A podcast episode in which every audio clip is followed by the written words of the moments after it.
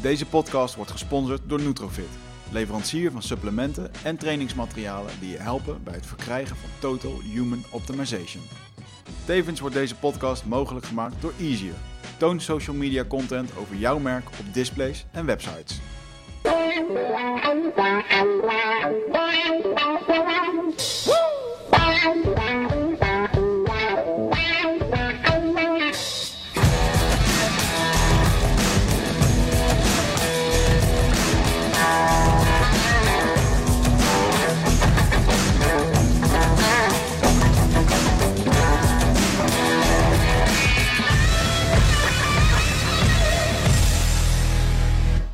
Welkom bij weer een eh, nieuwe aflevering van Eindbazen. Ehm, vandaag hebben we weer een gast eh, met een flinke lijst aan eh, wapenfeiten en indrukwekkende titels voor jullie weten te strikken. Eh, vandaag zit in de studio Jaap van Ginneken. En Jaap van Ginneken is, en ik wou zeggen professor, maar daar zaten een paar nuances in, zei je net al. Ja, dat heet associate professor in het Engels, maar dat is ietsje minder. Oké. Nou, desondanks indrukwekkend. Dokter, begreep ik. Ja. Ehm, je bent journalist geweest, eh, auteur en spreker. Ja. Eh, zijn expertise is daarbij psychologie. en hij heeft over dit onderwerp meer als, nou ja, en andere onderwerpen, maar meer als 15 boeken geschreven. 25. 25, 25 zelfs. Eh, en daarnaast is hij een expert in beeldvorming van de culturele identiteit in de dagelijkse interactie. Maar ook op het gebied van botsende beschavingen en blockbuster speelfilms. En met die laatste wil ik wel eigenlijk wel eens even Oké. beginnen. Ja, ja, ja, Ja, welkom. Wat is je favoriete blockbusterfilm geweest? Ja, eh, eh, eh, Spielberg-achtige dingen. Waar ik heel erg van moest huilen was eh, E.T. bijvoorbeeld.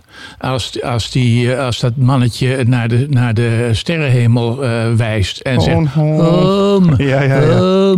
Je bent dus niet bang om toe te geven dat je helpt bij films. Nou, ik, als het lukt is het fantastisch. Ja, ja het is wel ernstig suspension of disbelief eh, als je zit te grienen op de bank. Nou, heel eerlijk, ik, ik heb ook wel eens mo- moeilijke momenten gehad. Eh, de laatste keer was in een, eh, was dan niet met de film, maar dat was met- tijdens een, een symfonieorkest. Oké. En dat het stiekem toch wel binnenkwam en dat een Jean als man dan en toch eigenlijk niet wil laten Wat was het? Wat was het? Het was een strijkorkest volgens mij. Oké, en, en, en wat voor compositie? Weet je niet meer. Nee, daarvoor, daarvoor ben ik te veel een cultuurbebaar.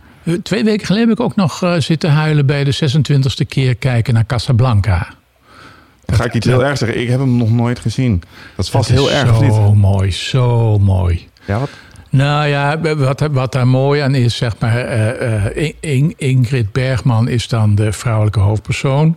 En die heeft een affaire met, eh, hoe heet die nou ook weer, die Amerikaanse acteur. Die, maar dan op het laatst, eh, ze heeft ook een, een officiële relatie met de verzetsheld van Europa. Want dat Mm. speelt dan in de Tweede Wereldoorlog. En op het laatst moeten zij en haar minnaar besluiten om hun affaire op te geven. Want het is belangrijk dat de verzetsheld gesteund wordt in zijn verzetswerk Ah, in ver- Europa. Verboden liefde Prachtig. en heroïsche opofferingen. Ja. ja, de mooiste liefdes zijn die net niet doorgaan. Ja, dat is, ja, bittersweet is dat eh, natuurlijk. Oké, ehm, maar ehm, ja, ik heb even ik heb wat onderzoek naar je gedaan. En een van de Ja. dingen waar je dus inderdaad je in lijkt te specialiseren is blockbusterfilms. Nou, daar heb ik een boek over geschreven. Maar met name over het gegeven dat de andere culturen en de geschiedenis van andere culturen en de geschiedenis daar op een hele bepaalde manier in wordt weergegeven. Dus het is eigenlijk een ideologiekritische analyse van Indiana Jones en van Anna and the King en van al die dingen die over zee spelen een eeuw geleden. En die zogenaamd op de ware werkelijkheid gebaseerd zijn. En ik laat dan zien dat daar allerlei perverse eh, draaien in zitten. eh, waarvan het beter zou zijn als we die onderkenden. Ja, illustreer dat eens met een voorbeeld. Nou ja, en en The King, hè? dus dat is beroemde The King and I. Dat was een beroemde musical ooit. Is gebaseerd op een dagboek of een boek van een mevrouw die midden 19e eeuw eh, kinderjuffrouw zou zijn geweest aan het, of is geweest aan het eh, Hof in Thailand. Eh, en ehm, nou ja, goed, ze was eigenlijk een onbeduidende kinderjuffrouw die later met ruzie is weggegaan. Maar toen ze eenmaal in Amerika was, toen zei ze: Oeh, heeft aan het Hof van Thailand gewerkt. en ze zat ontzettend om geld verlegen, want ze had ook nog een, een dochter, geloof ik, die ze Ja. moest onderhouden. Dus toen heeft ze een heel mooi verhaal bij elkaar gefantaseerd. Over dat ze eh, bijna een romance met de koning had. En eigenlijk ook zijn belangrijkste diplomatieke adviseur was. En 100 jaar later eh, zijn ze daar een musical van gaan maken. Een musical, The King and I. En daar zijn steeds nieuwe versies van geweest. En er is uiteindelijk een filmversie van geweest. En eh, eh, dat is eigenlijk van A tot Z gelogen. Maar dat wordt als, als de ultieme werkelijkheid aan ons gepresenteerd. En ook aan onze bloedjes van kinderen. Die dan op die manier alweer met een koloniale blik naar de wereld kijken. Ja, denk je dat het een eh, vorm van indoctrinatie is in die zin? Nou, eh, het is natuurlijk niet bewust. Maar wat er gebeurt is dat eh, spannende verhalen uit de koloniale tijd... en ook spannende verhalen uit de tijd van de apartheid... want ook in Nederland was natuurlijk apartheid... en in Indië was apartheid... die worden voortdurend gerecycled... en een klein beetje de allerscherpste kantjes worden ervan afge uh, slepen. Maar in feite blijft de kern van het verhaal overeind. En wat ik in dat boek heb gedaan, dat heet in het Nederlands Exotisch Hollywood. En in het Engels heet het Screening Difference. Uh, dat is dat ik het bestand van de allergrootste blockbusters aller tijden heb genomen. Daar heb ik alleen die uitgelicht die gingen over verhoudingen met andere culturen. En die heb ik onder de loep gelegd en vergeleken met de ware historische werkelijkheid, voor zover die te achterhalen viel. Ja. En uh, dan blijkt eigenlijk dat daar stevast en dat ons hele bestand. Een ander voorbeeld is, in de jaren negentig heeft uh, Disney vier grote tekenkinderfilms gemaakt rondom exotische thema's. Ja. Hè? De eerste was Aladdin. En dan had je Lion King. En dan had je Mulan. En je had Pocahontas. Mm -hmm. Dat is allemaal van A tot Z gelogen. Maar dat wordt ons als ware werkelijkheid gepresenteerd. En bijvoorbeeld Pocahontas. Iedereen denkt nog steeds dat dat zo gebeurd is. Mm-hmm. Dat is absoluut niet zo gebeurd.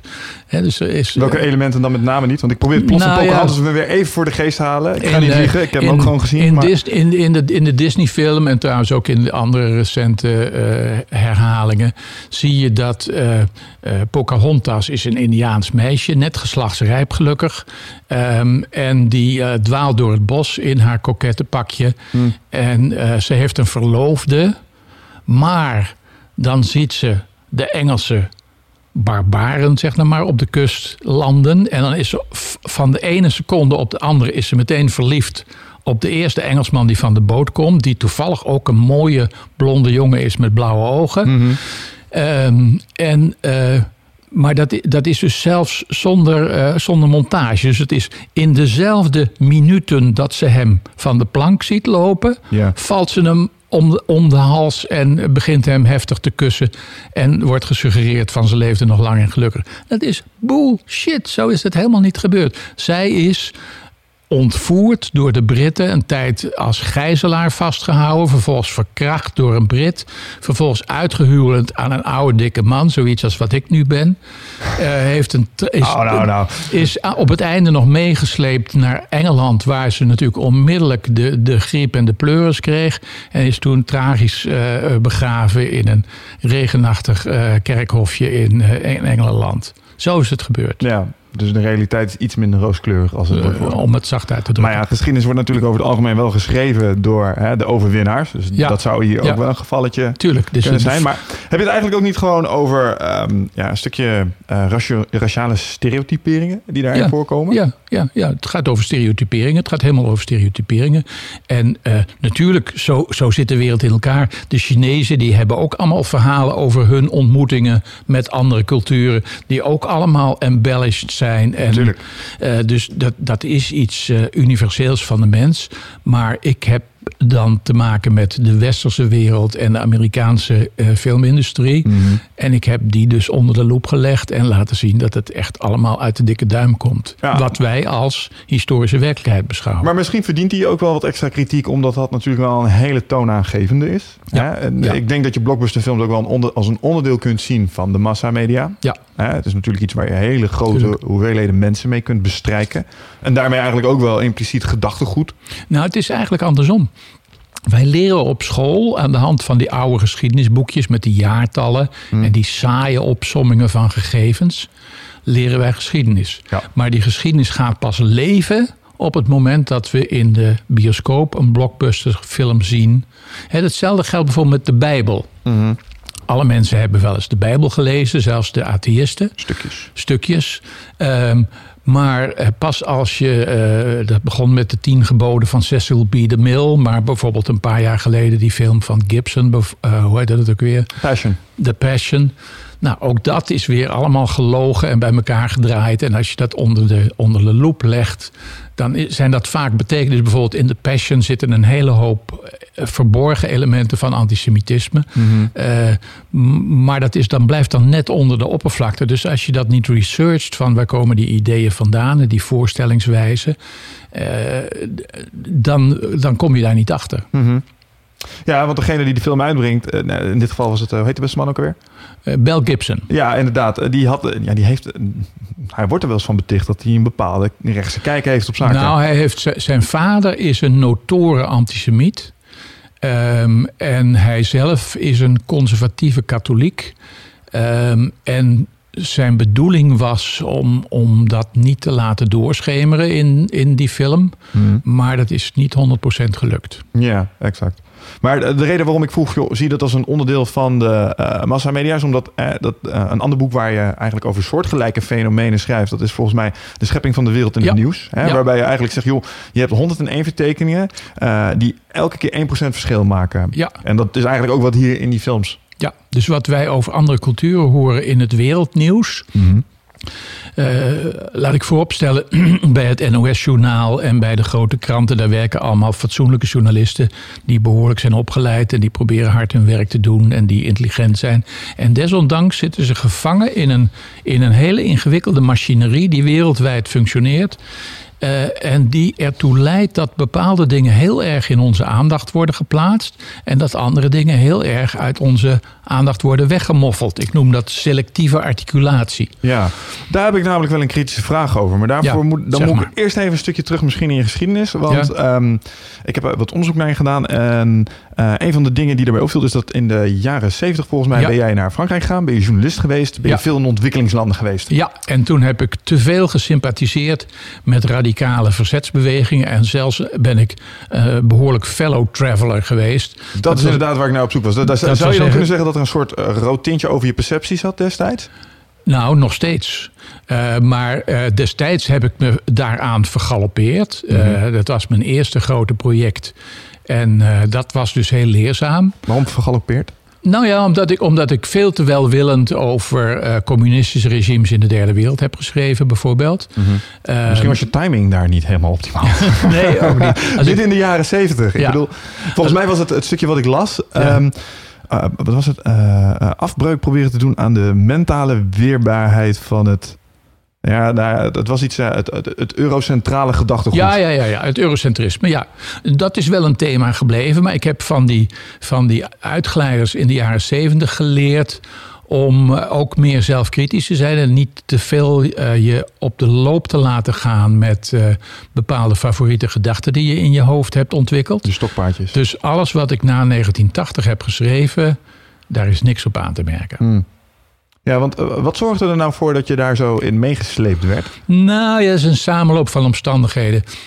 Ik kwam toevallig ooit. Het was natuurlijk de armoede in de derde wereld waar ik Mm. opeens in verstrikt raakte. En dat ging als volgt. Ik was student eh, tot mijn kandidaats in Nijmegen. Daarna ben ik naar Amsterdam gegaan. En vlak voor mijn kandidaats had ik eh, zes studenten eh, eh, warm gekregen om met z'n allen, met z'n zessen, een liftreis rond de Middellandse Zee te gaan maken. Oké. Met inbegrip van het Midden-Oosten. Mhm. Alles. Eh, en in de weken daaraan voorafgaand haakte de een na de ander af. En toen zei ik, wel godver, dan ga ik gewoon in mijn eentje. Dus Ja. ik met een koffertje langs de weg liften. Ik heb het ietsje ingekort, dus ik ben met de boot naar Beirut gegaan.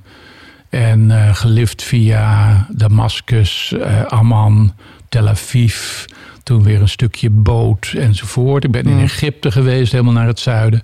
Het was de leukste reis die ik ooit gemaakt had. Eh, en eh, ik geloof dat ik maar 200 gulden op zak had. Dat is nu 100 euro. Klinkt echt heel avontuurlijk. Ja, heel avontuurlijk. Alleen in Egypte liep ik dus aan tegen, vooral in Egypte, dat er dus enorme verpaupering was. Zelfs in een stad als Cairo, zodra je een beetje buiten de toeristencentra gaat. Ja, hele verloederde wijken met straatarme mensen en kinderen die met ziektes op straat zitten enzovoort. Ja, En ik dacht wel, godver de godver. dat is drie uur vliegen hier vandaan. Ja, Dat is hier vlakbij. En, en later realiseer je natuurlijk dat dat zeker in die tijd in hele grote delen van de derde wereld dat soort van toestanden heersten. Sterker nog, dat daar ook niet veel aan veranderde, want het kolonialisme was net afgeschaft. Maar de meeste van die landen zaten gevangen in een internationaal economisch systeem. waarvan zij de nadelen hadden en wij de voordelen. En daar ging dan wat om ontwikkelingshulp bij als smeerolie om die relatie op gang te houden. Ja. Maar dat loste niet zo heel erg veel op. En ik eerlijk gezegd, als ik nou heel erg vals word, ik vind het nog steeds een godvergeten schande. Je haalt me de woorden uit de mond. Want ik wou zeggen, als ik nou heel erg cynisch ben, wat is er dan eigenlijk veranderd sindsdien? Nou, te weinig, veel te weinig. Ik herinner me nog dat 50 jaar geleden staatslieden en Henry Kissinger bijvoorbeeld, dat was de belangrijkste adviseur van Nixon. Die zei met zoveel woorden: binnen, wat was het, 10, 20 jaar is de honger in de wereld afgeschaft. Nou, er zijn nog steeds 900 miljoen mensen die niet voldoende te eten hebben iedere dag. Ja. En weliswaar is dat aantal ietsje kleiner dan 50 jaar geleden. Toen was het anderhalf miljard of zo. Uh, maar dat het überhaupt nog om bijna een miljard gaat na 50 jaar ontwikkelingshulp, Ja. is een bittere schande. En trouwens, de, de vooruitgang komt voornamelijk uit China bijvoorbeeld, waar veel mensen niet genoeg te eten hadden x jaar geleden en nu wel. Uh, Feitelijk hebben ze hun eigen probleem opgelost. ja, dus uh, ik, ja. Maar ik dacht, laat ik daar nou maar eens mijn bek over houden. nou ja, nou ja, dat is, nou ja, in deze specifieke podcast eigenlijk helemaal niet nodig. Want toevallig zat die laatste meneer en uh, Maarten Steinboeg. Dat Ja. was een professor en uh, dat ging over toekomstige technologieën die eraan zitten te komen en zo. Ja.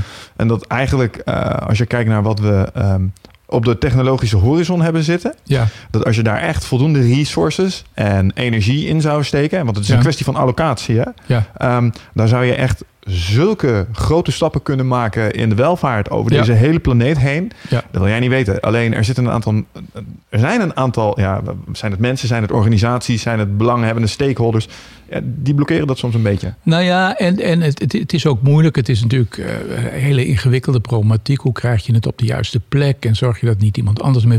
Maar je kunt zeggen nog steeds dat eigenlijk. Uh, uh, wat er door de westerse wereld aan chips en zoutjes wordt gegeten, dat is genoeg om het hele hongerprobleem in de wereld op te lossen. Mm. Het is niet zo dat er te weinig te eten is. Het is zo dat datgene wat er is, is te duur voor de mensen die het niet kunnen betalen. Dat Ja. is het probleem. Maar ik heb ook wel eens het gevoel dat in die regionen, want eh, laten we het Midden-Oosten als voorbeeld pakken. Het is heel Ja. makkelijk, eh, want als je nou over massamedia hebt en Ja. hoe daar een bepaald beeld wordt geschilderd, nou, dat is natuurlijk super actueel. Ja. En dan zit ik als burger zit ik op de bank en dan zie ik dat en dan krijg ik daar wel een bepaald beeld bij. Het is heel erg wij-zij eh, gevoel eh, dat er wordt neergezet. En als ik daar dan over praat met iemand ehm, nou, die geschiedenisdocent is, Mhm.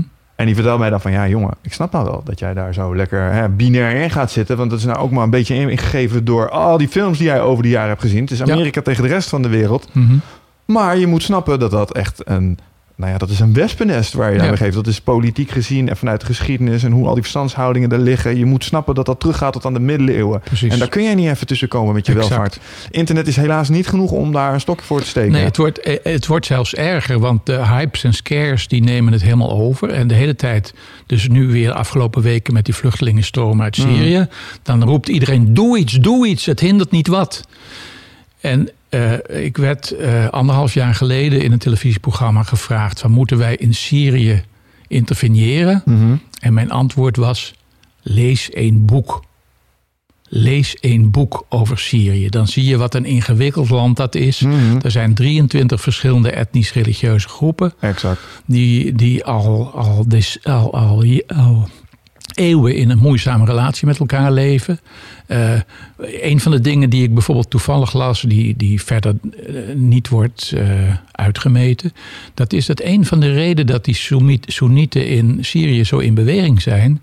De Soenieten woonden in het oosten van dat land, dat is een landbouwgebied. Maar daar heeft 15 jaar een extreme droogte geheerst. En dat heeft er mede toe bijgedragen dat die groep op drift heeft, is geraakt. Ja. Uh, maar ja, dat, dat is dan weer een, een, een, een, een van de vele klomp, complexe factoren die je niet de hele tijd kunt herhalen. Dus het is dan gewoon goede rikken versus de slechte rikken. En wij moeten dan sla erop. Dat zal dan het probleem oplossen. Ik ben bang van niet. Nee, dat denk ik ook niet. Want het enige wat je volgens mij doet in dat soort gevallen is... Um, nou ja, je krijgt ze misschien wel allemaal samen... zeg maar. Achter al één banier gega- eh, geschaard. Eh, helemaal, helemaal goed, maar wel tegen jou gericht waarschijnlijk. Weet je, er, niks eh, ja, verbroedert mensen als een gemeenschappelijke vijand natuurlijk. Ja. Nee, dus in Irak is heel weinig opgelost. In Afghanistan is het ook nog zeer onzeker dat dat goed afloopt. In Libië is het zeer slecht afgelopen nadat eh, Gaddafi eh, is weggedaan. Weg, in Egypte is het, eh, gaat het niet best. Ja, want in hoeverre sluit dat aan op dat... want ook een thema waar je over schrijft is inderdaad hoe enthousiasme zeg maar gedeeld Ja. kan worden via Ja. het internet. Je zou kunnen zeggen dat de Arabische lens eh, destijds een manifestatie daarvan was. Hoewel Ja. je moet afvragen of het goed gekanaliseerd enthousiasme was. Maar desondanks heeft bijvoorbeeld het internet en eh, nou ja, de beschikbaarheid van informatie ervoor gezorgd dat een aantal dictatoriale regimes, tenminste ik denk dat het eraan bijgedragen heeft, in één keer begonnen te kantelen. Ja, Toch? Ja, ik heb, in, in, ik heb een boek geschreven dat heet Het Enthousiasmevirus. Dat gaat over de manier waarop we elkaar besmetten met stemmingen. Ehm, en dat gebeurt dus ook via internet tegenwoordig. En met name in, in Tunesië was dat heel frappant. Wat dus de eerste eh domino-steen van de Arabische revolutie was. Eh, daar was dus een jongen en die ging naar het lycée. Dat is een, een gevorderde middelbare school. Uh, maar die moest toen van school omdat zijn vader was werkloos en dood en hij moest het gezin onderhouden. Ja. En toen wilde hij dus gaan werken, die jongen. Maar er was geen werk. En toen heeft hij een handeltje begonnen met groente verkopen en fruit op straat. En toen werd hij de hele tijd lastiggevallen door corrupte politieagenten die een percentage van zijn, Ja. van zijn omzet wilden. En die jongen was toen op een gegeven moment zo gek van wanhoop dat hij dus naar het benzinestation is gegaan, een tankje benzine heeft gekocht, naar het gemeentehuis heeft, is gegaan, dat over zich heen heeft uh, gegooid en er een lucifer bij gehouden. Pats. En dat is de, het begin van de Arabische revolutie. Dus daar zie je dus de, de, de handelingen van een enkeling. Mm -hmm. En de bekende spreekwoord: a single spark can start a prairie fire. Letterlijk hier. Letterlijk hier. En dat dus uh, uh, zijn vrienden die dat zagen, dat via internet gingen doorgeven naar de hoofdstad. En in de hoofdstad kwamen ook jongeren in beweging. Mm. Die herkenden die hele situatie. En toen sloeg het over van Tunesië naar Egypte enzovoort en zo verder. Dus dat, dat vind ik fascinerend. In mijn, in mijn specialisatie is massapsychologie. Ja. En dat gaat eigenlijk over stroomversnellingen in het maatschappelijk gebeuren. En stroomversnellingen in de kanteling van voorstellingen in mensen hun hoofd. En daar zie je dus in dat het in principe mogelijk is dat een enkeling of een enkele gebeurtenis uh, iets op gang brengt. Een aardbeving, een breinbeving noem ik dat. Ja. Uh, en dat dat een heel continent meesleept. In China had je ook een mooi voorbeeld van dat treinongeluk twee jaar geleden. Uh, waarbij pak een beet 100 mensen omkwamen met die supersnelle trein. Mm -hmm. En die was doorgedouwd uh, door de regering enzovoort. En daar was voor het eerst. Um, uh, speelde het internet ook een grote rol, omdat de mensen vraagtekens plaatsten bij die trein, bij het doordrammen van die projecten, Hmm. bij het feit dat het technisch onderhoud niet goed was geweest, dat dat grote ongeluk was geweest, dat dat meteen in de doofpot ging. En daar waren dus meteen binnen twee dagen 400 miljoen tweets uh, rondgestuurd in China, ja. waar je ook ziet dat zo'n effect optreedt. Dat mensen elkaar eigenlijk ermee aansteken. Ja. Maar denk je ook niet dat, als we nog even die jonge man nemen hè, in Tunesië. Um, ik, ik probeer me sowieso voor te stellen wat er moet gebeuren in je hoofd om. Ja, kijk, Wanhoop. Even, ja, maar even los van het feit dat je een uitweg kiest. Ja. Daar kun je iets over vinden. Ik denk dat ik het kan begrijpen, maar eigenlijk ook niet, want dat is zo'n ver van mijn bedshow. Ik heb Ja. me nog nooit zo wanhopig gevoeld dat ik dat zou willen Nee. doen. Dus dat lijkt me heel erg moeilijk. Uh, Luxe. maar, dat, dat, ja, maar dat kan ook gewoon uh, mijn probleem zijn. Maar, um, maar dan nog dat je die manier kiest. Weet je, er zijn volgens mij makkelijkere manieren om je boodschap over te krijgen. Maar jezelf in de hand steken, wauw. Wat is het dan als jij als psycho psycholoog daarnaar kijkt? Ja. Ik bedoel, dat gaat tegen een van je primaire instructies in. Ja. Overleving. Ja. Wat gebeurt er in je kop op Ja. zo'n moment? Nou, er zijn een aantal voorbeelden van geweest in de moderne tijd. Het begon al in, in de Vietnamtijd. Die uh, monnik die zich in de hand stook op een verkeerspunt in uh, Ja. Saigon heette dat toen. En later uh, Palach in, uh, in Tsjechoslowakije, in Praag, tegen de Russische invasie. Er zijn een aantal van die voorbeelden geweest. En het, het, het merkwaardige is, kijk, je kunt natuurlijk in het openbaar zelfmoord plegen. Mhm. Maar dit, eh, wat, waarvan iedereen zich bewust is dat het extreem pijnlijk is. En, en, en Dit is minder De- shock value misschien. ja, de shock value. En eh, dat, dit is dus iets geworden waar iedere keer toch wel eh, de publieke opinie van op tilt slaat. Hoewel je vermoedelijk tegen voorbeelden kunt vinden van mensen die dat geprobeerd hebben en waar het net niet gelukt is. Niet gelukt is om de publieke opinie om te turnen. Dus zelfs daarvan moeten we niet al te makkelijk besluiten dat als je jezelf nou maar in de hand steekt, dat dan de wereld verder Gaat veranderen, ja, exact. Nou ja, ik vraag me dan af, hè, want, eh, want we hadden het over internet en het delen van gedachten. Dus ik denk, ik denk ook wel eens van, joh, is het ook niet zo dat mensen daar, hè, bijvoorbeeld zo'n jongeman, die komt dan op het internet, want dat zal die hebben gehad. Ja. Nou, via het internet kan die plots overal bij. Ja. Ehm, kijk, ik heb het internet en als ik daar dingen vandaan wil halen, zoals diensten, producten, ik heb dus besteedbaar inkomen. Pas het probleem. Ja. Dat kan ik regelen. Ja. Maar stel je nou er eens voor dat je op het internet kan en je kan allerlei fantastische websites over lekker eten, mooie spulletjes en dat soort dingen. En je weet dat je het nooit zult aanraken. Ja. Om maar te zwijgen over alle fantastische dingen die op het internet rondzwerven, snap je? Ja. Die ehm, eh, misschien wel een heel erg gepolariseerd beeld weggeven van de situatie waar je alle dagen in verkeert. Ja. En ik denk dan, heeft dat ook niet bijgedragen aan het feit dat die mensen daar zoiets hadden van, ja maar shit, dit is wel echt heel kut. Ik wil dat ook. Absoluut. Eh, dus voor Afrika kun je je dat heel goed voorstellen. Er zijn een hele reeks van landen waar eh, eh, nog steeds stagnatie is, waar geen vooruitzichten zijn dat het beter wordt, waar je kinderen niet echt naar school kunnen enzovoort. Ja. Dus die mensen hebben dan zoiets van, nou liever 10% kans dat ik verzuip in de Middellandse Zee en een kans dat ik aan de andere kant kom. Eh, dan hier te blijven zitten en het wordt hier nooit wat. Nou, ik zie nu om me heen, hè, dat is gewoon heel simpel, want dat krijg je in dit soort gevallen. Er zijn mensen die worden redelijk binair. Nou, die moeten gewoon wegblijven, hier. En, dan, ja. en dan denk ik, ja, dat snap ik. Maar luister gast, stel je staat daar en je had niks. Dan En je ziet al die mensen hier en die hebben alles. Het is heel normaal dat jij dat ook wil. Ja. Maar het, pro- het probleem wat zich natuurlijk nu voordoet, is hoe, hoe je dat moet managen. Ten eerste, eh, er wordt altijd heel gemakkelijk gedaan over het onderscheid tussen politieke vluchtelingen en economische vluchtelingen. Maar dat is natuurlijk een enorm grijs gebied wat er tussenin zit. Hmm. Al die mensen hebben het slecht. Sommige mensen hebben het heel erg slecht, zelfs al worden ze niet politiek vervolgd. Dus dat die proberen de benen te nemen, daar kan je ze geen ongelijk in geven. Ja, zo denk ik ook over. Wat er nieuw is, is volgens mij, maar dat is, heb ik nog nauwelijks benoemd gezien. Dat is dat dit de eerste grote internationale vluchtelingenstroom is die door de iPhone wordt geregisseerd. Dus eh, veel van deze mensen, eh, met name die Syriërs, maar zelfs uit Afrika, Mhm. 1 op de 50 heeft, heeft een mobiele telefoon Ja. die het nog doet. Ja. En die houden dus contact met de mensen die, eh, die nog op het strand staan. Die houden contact met de mensen die nog thuis zijn. En als de boodschap dan is van nou, Duitsland heeft besloten, wij hebben zo'n slecht imago. Wij gaan iedereen eh, verwelkomen, want wij zijn helemaal niet racistisch. Ja. Dan heb je kans dat de volgende eh, groep ook zijn koffers pakt. ja, dat is logisch. Dus de vraag is een beetje van hoe moet je nu met deze situatie omgaan? En mijn gevoel is, ook als links en een beetje rooier type, Ja, ja. ehm, ik denk dat Europese politici toch vrij naïef en vrij automatisch reageren en zich onvoldoende realiseren dat deze situatie nieuw is. Dat er in Syrië nog zeker 7 miljoen mensen eh, zijn die ook wel zouden willen komen als ze de kans kregen. Mhm.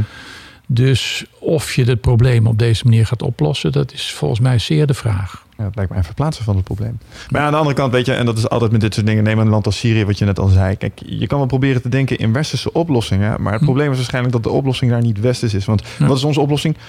Eh, opleiding, infrastructuur, economie. Ehm, Terwijl daar volgens mij denk ik ook volledig andere sentimenten spelen. Zoals Ja. machtsbelangen en dat soort dingen. En je hebt daar ook nog allerlei leiders die hun eigen agenda's erop nahouden. En dat. Sterker nog, als je die leider wegdoet, hoef je maar een half jaar te wachten en er zit een type van precies dezelfde garnituur. Nou, maar is dat niet exact wat ISIS is? Een machtsvacuum. Dat, Nou is, ja, dat dat is is- gevuld door even zo niet kwaadaardige mensen. Ja, maar dat komt ook omdat de Soenieten natuurlijk gemarginaliseerd zijn. Eerst in, in Irak, dat was eigenlijk het meest indringend. Of ze, ze waren al gemarginaliseerd in Syrië, omdat daar toevallig een president zit die geallieerd is met de Shiiten en de Mhm. Alawieten. Maar toen kwam daar Irak bij en Irak was eigenlijk altijd het gouden centrum van de Arabische cultuur. Je moet je voorstellen dat in het jaar 1000, toen wij nog in Berenvellen liepen hier, Ja, ja. toen waren er in de stad Bagdad was er een straat met 100 boekwinkels. 100 boekwinkels Ja. die met de hand werden overgeschreven. Daar, en er was, er was de eerste universiteit, er was het eerste hospitaal van de wereldgeschiedenis.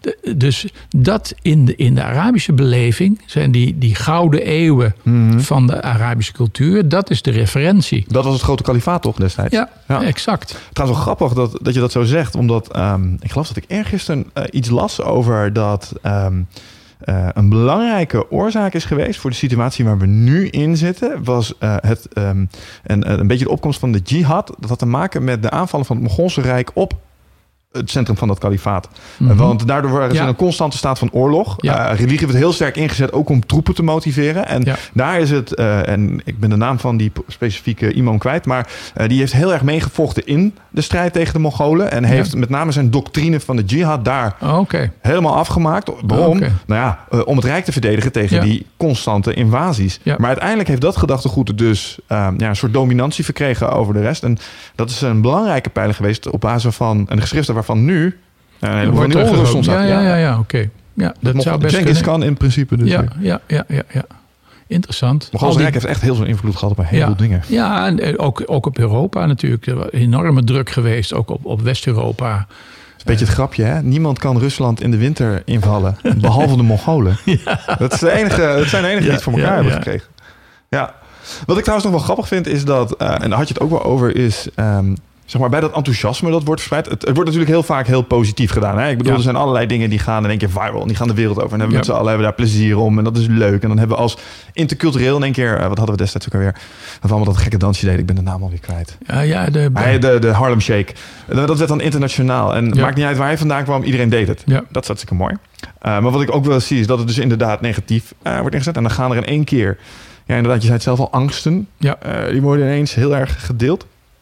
Ehm, en ik vroeg me af of daar een soort verband zit tussen eh, wat je ooit zei over volgen. ja, Dus grote groepen. ja. Ik heb jou een uitspraak horen doen waarbij je zei... als je een groep spreeuwen neemt, en het zijn er duizend... dan moet je Ja. de wortel ervan nemen. En dan heb je het aantal Ja. influence dat je nodig hebt... om een groep een bepaalde kant op te stuwen. Is dat ook zo met dit soort paniekaanvallen?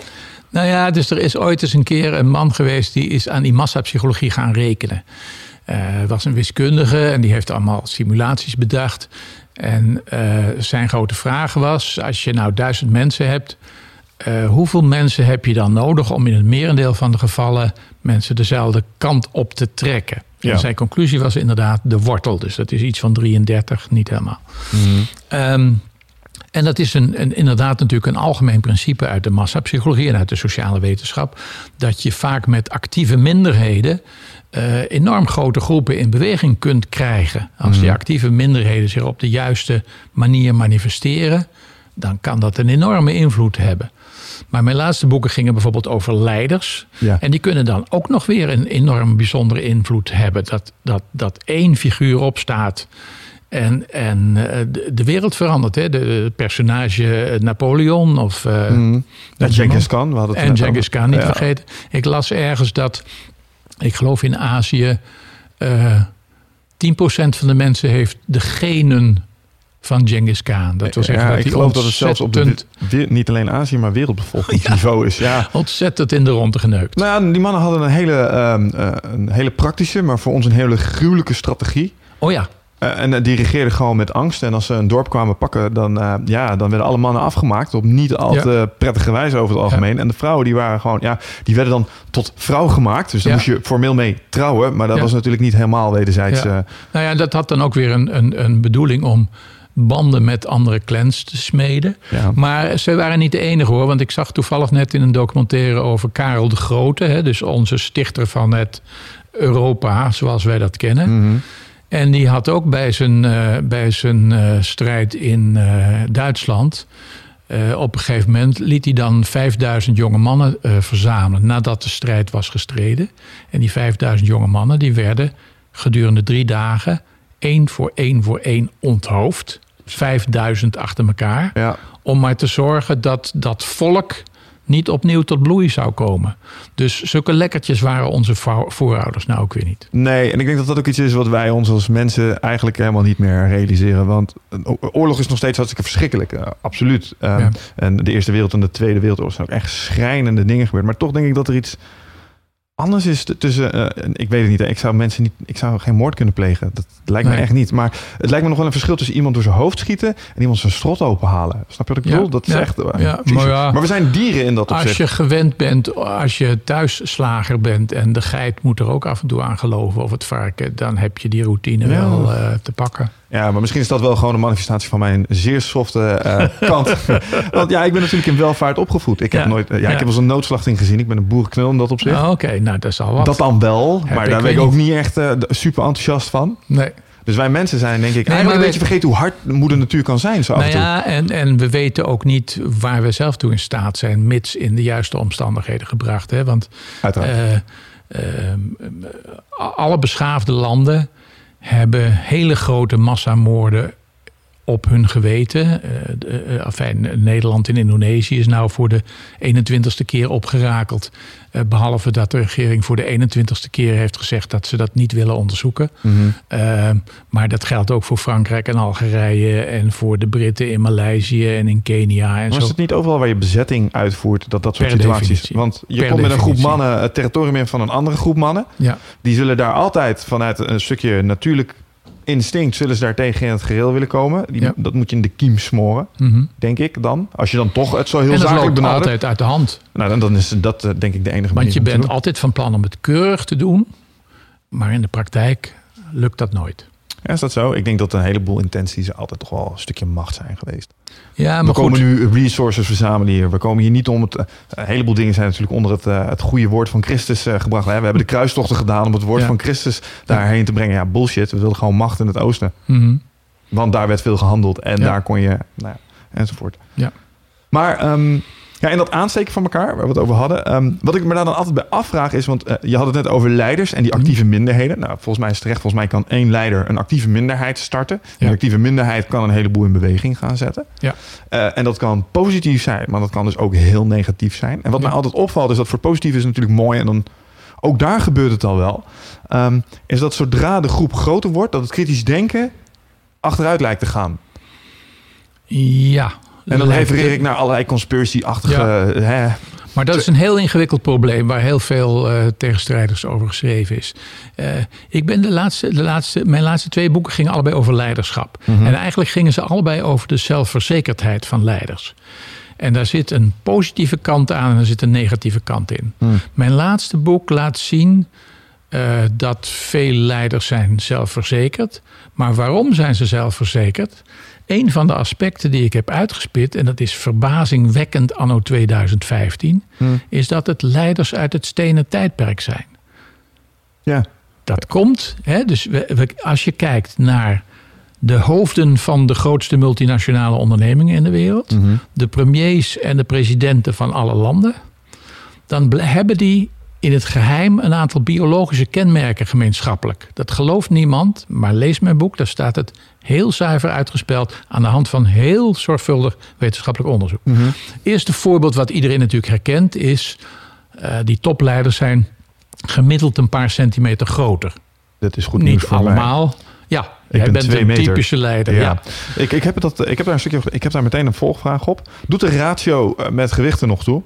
Omdat ik, ehm, eh, als je kijkt naar eh, wat me opvalt, is als eh, gasten een indruk maken op mij. Ik denk van wow, weet je wel, daar Mhm. komt een gast binnenlopen. Lang is inderdaad ding, maar ze zijn vaak ook iets breder. Maar als je een lange gast zonder spiermassa ziet binnenlopen, denk je, ja, die duwen zo om.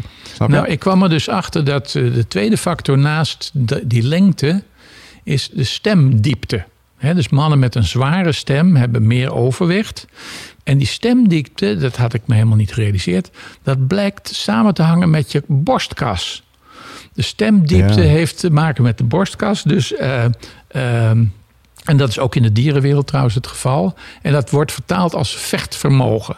Dus je kunt aan, aan de stemdiepte voor een deel op een afstand al horen het vechtvermogen van het andere beestje. Ja, wauw. Want het zegt iets over zijn borstomvang en dus misschien wel iets over zijn cardiovasculaire capaciteit of spiermassa. Ja, spiermassa. Ja, de- ja, ja. ja. Het is zo grappig dat je Ja, dat... jij komt uit de vechtsport, dus je, je zou dat moeten kunnen thuisbrengen. Ja, wat me wel opvalt is dat als gasten bij elkaar zitten, dat het vaak eh, dat je je stem automatisch lager gaat maken. Mhm. Dat ik heel anders praat tegen mijn vriendin als dat ik praat tegen een gast waarvan Ja. ik denk, jij kan kickboksen. Wij, pa- wij passen dat aan elkaar aan. Ja, hè? Er is een mooie analyse gemaakt. Bijvoorbeeld, je hebt eh, Larry, wat die nou, Larry King van CNN. Was de beroemdste interviewer van CNN. Mhm.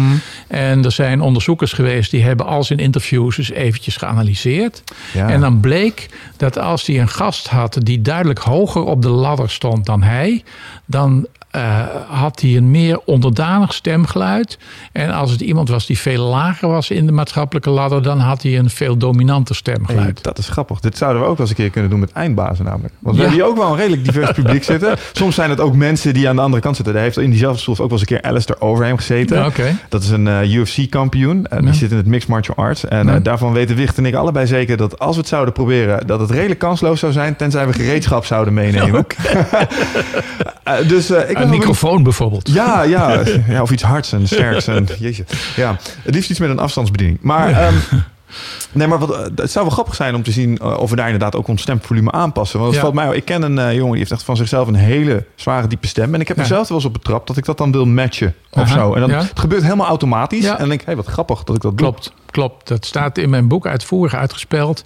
Allerlei varianten op, op dat, dat spel. En op diezelfde manier zijn er andere factoren. Gezichtsvorm, symmetrie van het lichaam enzovoort. Symmetrie van het lichaam is bijvoorbeeld interessant.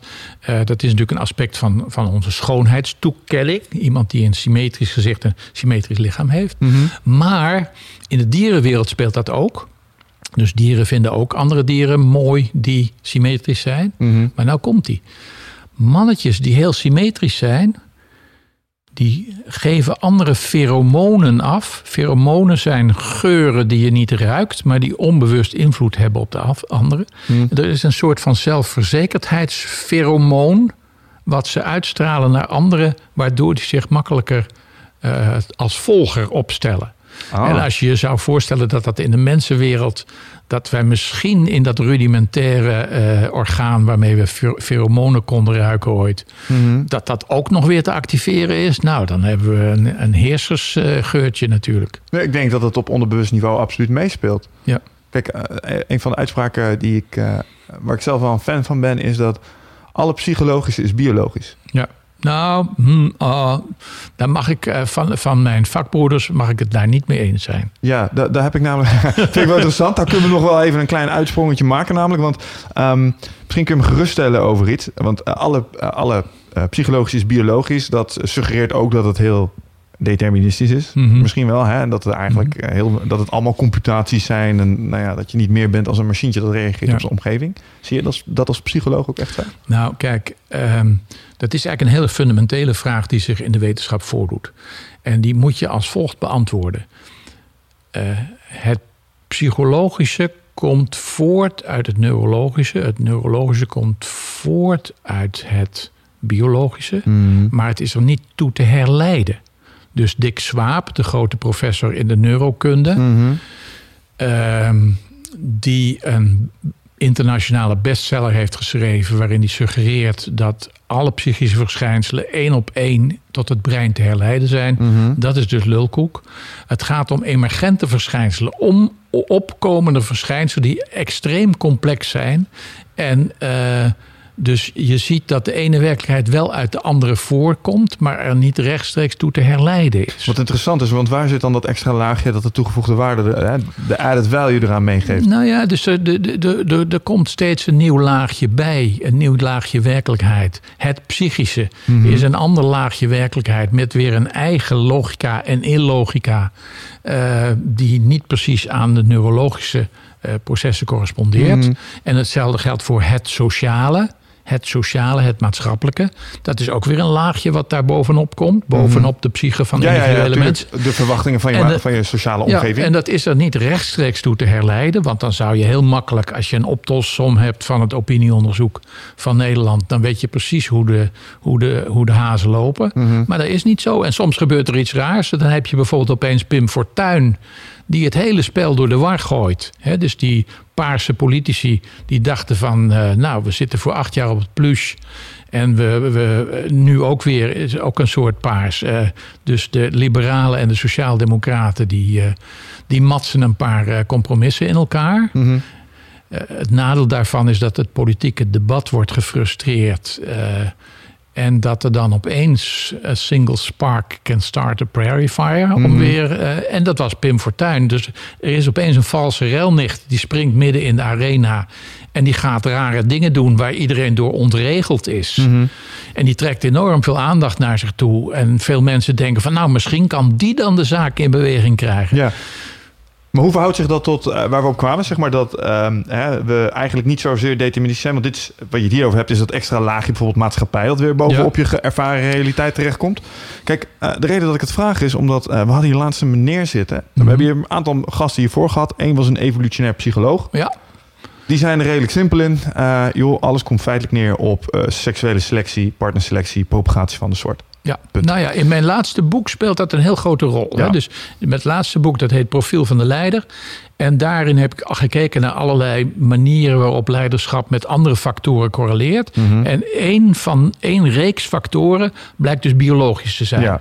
Lengte, stemdiepte enzovoort. Maar dat is niet het enige. Maar het is wel raar dat anno 2015, Ja, 40.000 jaar na de steentijd, dat je dat nog haarzuiver kunt aantonen aan de top van de grote ondernemingen. Ja, maar ik denk dat dat komt omdat ehm, als je kijkt naar eh, de situatie waarin je eh, voorheen eh, je moest manifesteren. Dus zeg Ja. maar, als je even de actuele of de meest geaccepteerde tijdspaden aanhoudt, dan ongeveer 20.000 jaar geleden begonnen we met nederzettingen. Ja, Ja, dus begon onze maatschappij vorm te krijgen zoals die Ja. nu vorm begint te krijgen. Ehm, en in, in die reis naar een beschaving Mhm. zijn we steeds verder van onze natuur afkomen te staan. Hè? Mhm. Alleen het ding is dat biologisch gezien, stel je, laten we die gast over de prairie, laten we hem Krank noemen. ja, Krank en ik zijn biologisch gezien niet zo heel erg verschillend. Nee. Ik bedoel, die, die tijdspannen, 20.000 jaar, 15.000 jaar, 12.000 jaar, pak er een. Eh, je denkt wel, ja, dat is veel tijd. Zo oud word ik nooit. Nee, dat klopt. Maar biologisch gezien is het echt nog geen seconde op die hele klok. klopt. En dat is denk ik waarom wij nog allerlei, ja, als je eh, zeg maar in de software zou zitten, noem je dat legacy code. Ja, En je hebt ouderwetse Ja, hardware. ja absoluut. En je software is nog niet gepatcht. Ja, dat is zeggen. een mooi, mooi beeld. Ja. Dus jij reageert heel erg op allerlei dingen.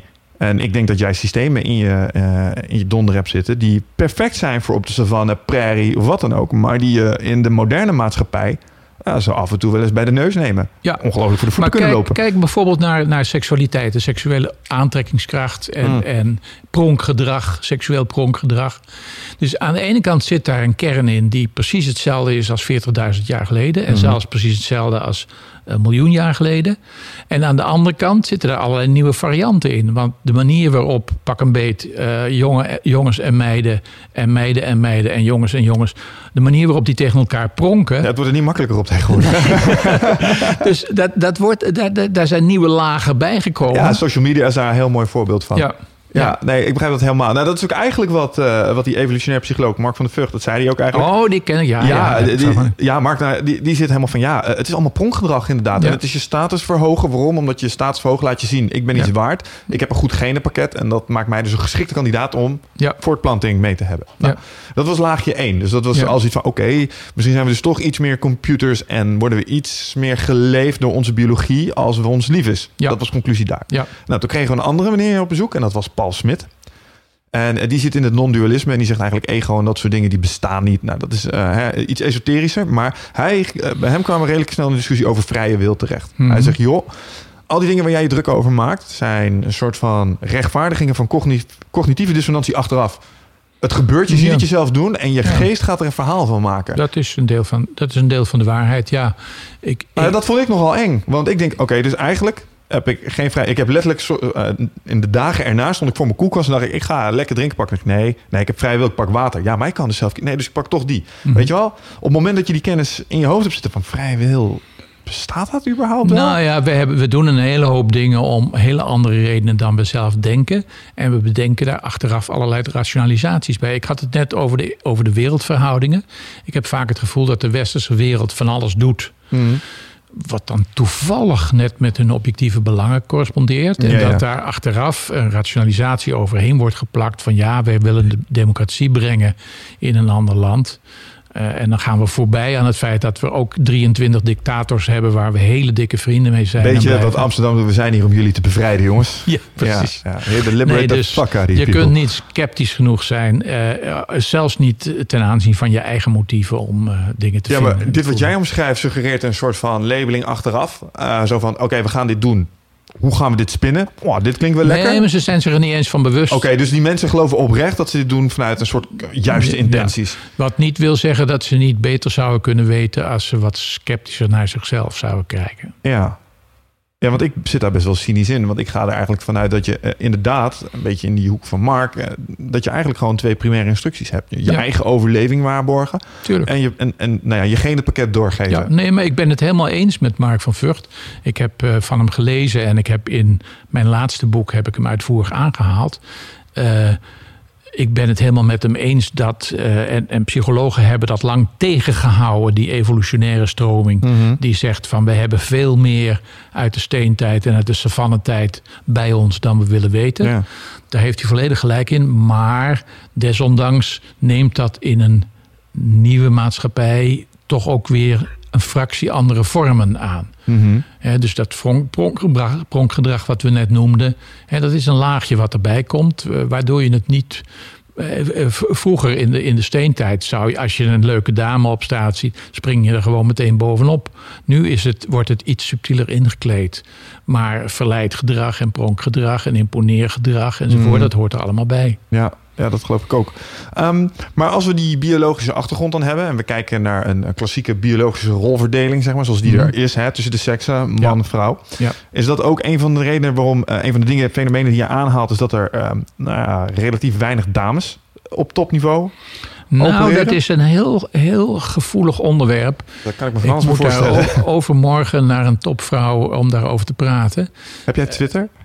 Nee, ik heb geen Twitter. Wel, zo. wel, wel bewust niet. Want er zijn een heleboel boze militante feministen op het internet eh, te vinden. Oh. En eh, daar moet je voorzichtig mee zijn. Nou, kijk, het, het punt is, als je precies gaat kijken wat zijn de verschillen tussen mannen en vrouwen, bijvoorbeeld in psychisch opzicht, dan zijn er kleine marginale verschillen die eh, tussen de gemiddelden Hè, nou? Pak een beet in, in ruimtelijk inzicht of een- nog een paar van die factoren die eh, wel genoemd worden. Ik heb namelijk het idee dat wij mannen echt veel, veel meer achterblijven ten opzichte van dames af en toe. Nou, in andere opzichten weer wel. Maar dat zijn dus zeg maar normaalverdelingen. Hè? Dus dat zijn die klokvormige grafieken Ah. van hoe mensen op een bepaalde eigenschap verdeeld zijn. Je hebt er heel weinig met een extreme eigenschap aan de ene kant. Mhm. Heb je een heleboel in het midden. En heb je er heel weinig met een extreme eigenschap aan de andere kant. Die grafieken die overlappen elkaar grotendeels wat betreft mannen en vrouwen. Mhm. Dus bijvoorbeeld intelligentie. Tja, er is niet speciaal iets om te zeggen dat vrouwen gemiddeld minder intelligent zouden zijn. Nee. flauwekul. Er zijn bepaalde eigenschappen die, waarvan een hint bestaat dat misschien zich dat in de loop van tienduizenden jaren heeft verzelfstandigd. Er wordt bijvoorbeeld gesproken over dat ruimtelijk inzicht. Zou kunnen dat er een klein verschilletje is. Dat beroemde verhaal van waarom vrouwen geen kaart kunnen lezen. Ja. Is dat waar? Nou, tot op een zekere hoogte. Voor, voor sommigen geldt dat eh, zolang ze er niet in getraind zijn enzovoort. Maar je kunt niet zeggen dat er fundamentele, onveranderlijke, onoverbrugbare verschillen zijn tussen mannen en vrouwen. En het is heel wel denkbaar dat gemiddelde vrouwen binnen afzienbare tijd, zelfs op die eigenschappen, gewoon hetzelfde of zelfs beter gaan scoren Ja, maar dan dan heb je het puur over het mentale, eh, intellectuele stuk. Ja, Eh, Want als Ja. iemand die, die in de sport zit en ook wel eens mensen heeft begeleid, kan ik wel vertellen dat het natuurlijk fysiologisch absoluut in termen van kracht ja, zit er echt, echt wel een verschil in. Ja, absoluut. Maar dat wil ook weer niet zeggen dat er niet sommige vrouwen zijn die krachtiger zijn dan mannen. Hè. Je kent dat, dat bekende voorbeeld van, eh, van de tennisbaan. eh, waarbij de sterkste vrouwen dan eh, sterke mannen uitdaagden. Mm. En dan de vraag was hoe dat zou ik aflopen. weet dat er vrouwen op deze wereld rondlopen die meer kunnen deadliften als ik. Daar is geen twijfel over. ja, ja, ja. Nee, dus het is een heel gecompliceerd iets. En we zijn er nog steeds niet helemaal uit van wat daarvan, van die verschillen die je kunt vaststellen, wat daarvan is nou biologisch gegeven en wat is cultureel daarbovenop geslipt. En daar komt nog iets anders bij. Dat ons beeld van eh, biologie als onveranderlijk is onjuist. Om twee redenen. Ten eerste is gebleken, naarmate het genenonderzoek voortschreed de afgelopen 10, 20 jaar, Hmm. dat heel veel. eh, eh, zeg maar dat, dat mensen hebben maar heel weinig genen. Ik geloof dat mensen nauwelijks meer genen hebben dan een aardappel. Dus daar zit het hem niet in. Oké. Eh, of rijst. Volgens mij heeft een eh, aardappel zeg. eh, ik heb dit een keer uit moeten zoeken. 20.000 of wat was het? ja, dat zat in chromosomen. Volgens mij hebben wij 46 chromosomen en een aardappel 48 of Nee, zo. maar ook in genen. Ja. En het, het probleem is nu dat we erachter zijn gekomen. Het ligt helemaal niet in de genen. Het is niet zo dat de genen ons definitief programmeren voor iets. Hmm. Er zitten in, tussen die genen zitten heel veel switches die on en off gaan. En die een gen wel of niet in werking stellen. In combinatie met een ander gen onder bepaalde specifieke omstandigheden. Externe stimuli. Dus het hele ding is veel ingewikkelder. Alleen al als je het over genen hebt. En het tweede wat erbij is gekomen, dat in de psychologie is gebleken. Dat als mensen heel erg bepaalde dingen leren, dan veranderen de diktes van hun hersenlagen gewoon. Mhm.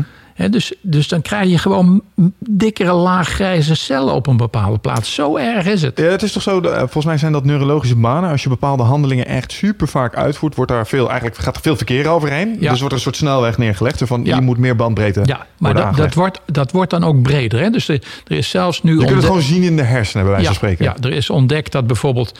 Er zijn beroemde persoonlijkheidstests. En tegenwoordig zegt men dan van nou, er zijn vooral vijf typen persoonlijkheid in, eh, in de westerse wereld. En nou, dat is fijn. Ehm, maar er is nu ontdekt dat, eh, dat er ook een lichte correlatie is met de dikte van bepaalde hersenlagen. Mhm. Eh, niet één op één weer. Hè, een beetje marginaal verband. Maar het feit dat dat marginale verband er is, is verbazingwekkend. Hm. Want dat betekent dus dat, dat daar ook een wisselwerking is. En dat onder invloed van het ontwikkelen van een bepaalde eigenschap kunnen je hersenen mee veranderen. Niet alleen dat er dat andere verbindingen worden gemaakt, maar zelfs dat de anatomie een beetje verandert. Maar is dat niet gewoon mensen die eh, erachter komen dat ze ergens goed in zijn en dat dan vervolgens gewoon heel vaak gaan doen? Is dat, zijn dat geen mensen die van hun 8 en 9 stien aan het maken zijn? Dat kan zijn, maar het kan ook zijn dat het, dat het iets heel anders is waar je niet bewust mee bezig bent, maar wat gewoon toevallig gebeurt omdat de dingen zo lopen. Hm.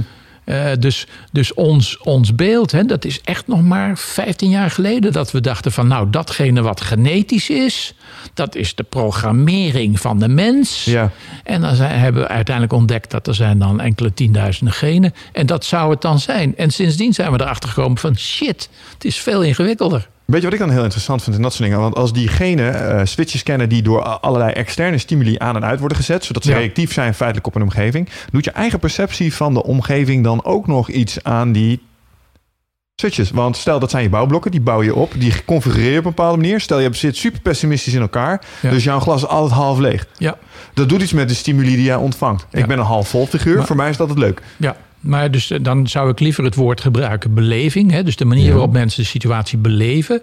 Als mensen situaties voortdurend als stressvol beleven, Mhm. ja, dan ondergaan ze lichamelijke veranderingen die daarmee corresponderen. Ik zal je iets anders eh, noemen. Ehm, er is onderzoek gedaan naar de mensen die in de hongerwinter geboren zijn in Nederland. Ja, Ik zit daar net naast. mijn oma was er één van. Nou, ik zit daar net naast, maar er is gevonden dat die mensen tot op zeer hoge leeftijd een hele reeks van syndromen veel vaker hebben. Oh. Alleen omdat ze in de hongerwinter geboren zijn. Dus omdat ze, eh, maar, maar zit hem dat dan in het feit dat ehm, degene blijkbaar gewoon dat ze te weinig eten hebben gekregen? Is dat het? Is het een en, voedingstekort? En, en, en bijvoorbeeld dat de moeders en de ouders en de omgeving stressvol waren. Ja, tuurlijk. Hè, dus eh, dan gaat het cortisolniveau al omhoog, het standaard eh, stressniveau. Mhm. En dat wordt doorgegeven van generatie op generatie soms. En het Ah. is bijvoorbeeld ook weer dat uit het nieuwste genetische onderzoek blijkt dat Lamarck had toch gelijk. Wie was Lamarck? Nou, Lamarck was een voorganger van eh, Darwin.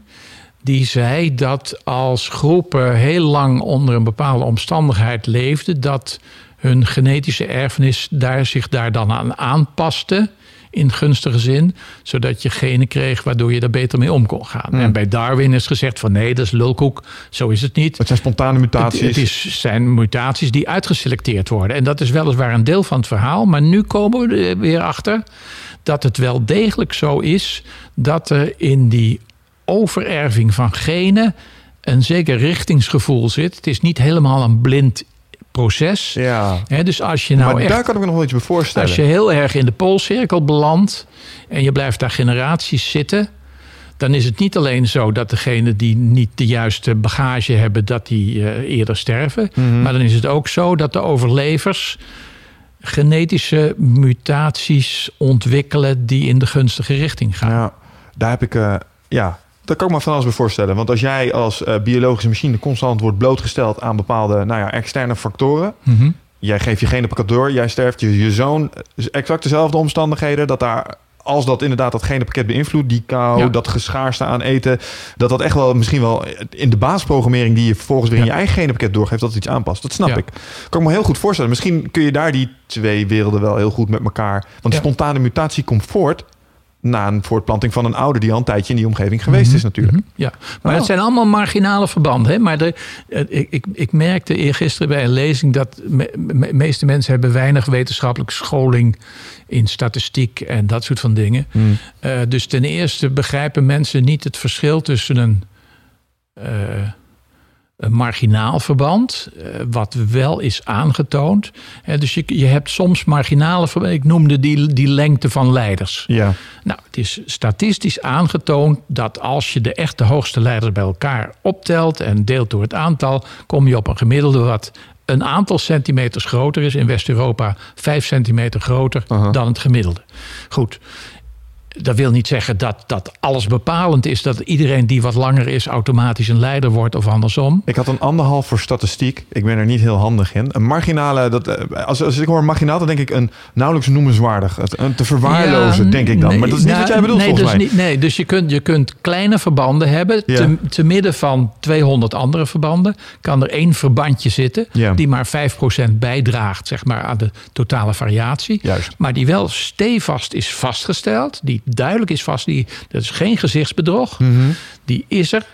Maar die speelt niet altijd de hoofdrol. En er zijn ook andere factoren die daar doorheen spelen. En mensen riepen bijvoorbeeld ook toen ik dat verhaal vertelde meteen van... En Napoleon dan? Ja, dat is trouwens ook weer zo'n fabel. Dit schijnt helemaal niet zo'n kleintje is helemaal niet te waar. zijn. Nee, ja, grappig nee, nee, dat, dat is ook pas de laatste tien jaar bekend geworden dat Napoleon helemaal niet zo klein was als. En dat is een, een Engelse propaganda hoax. Ja, zo, Eh. zo heb ik nog een eh, hoax die ik eh, dan misschien voor deze, bij deze voor jou en voor andere mensen kan ontkrachten. Het schijnt dat dat hele verhaal dat je in je leven zoveel spinnen eet, hè? Dat is bedacht. ja, dat is bedacht als experiment om te kijken hoe snel valse informatie zich verspreidt. Ja, ja, ja, ja, ja. ja. Het schijnt, je, het schijnt niet dat je er Ja, helemaal zoveel, ja, weet je wel. ja, dat. Als mensen je dat vertellen, word je altijd akelig. Ja, ja, ja, absoluut. Ja. Interessant. Ehm, even kijken. Ehm, Je kunt dat overigens tegenwoordig heel goed onderzoeken hè, op internet. Dus dat is ook weer een nieuwe tak van sport. Dus je had, vroeger had je opinieonderzoek. ja.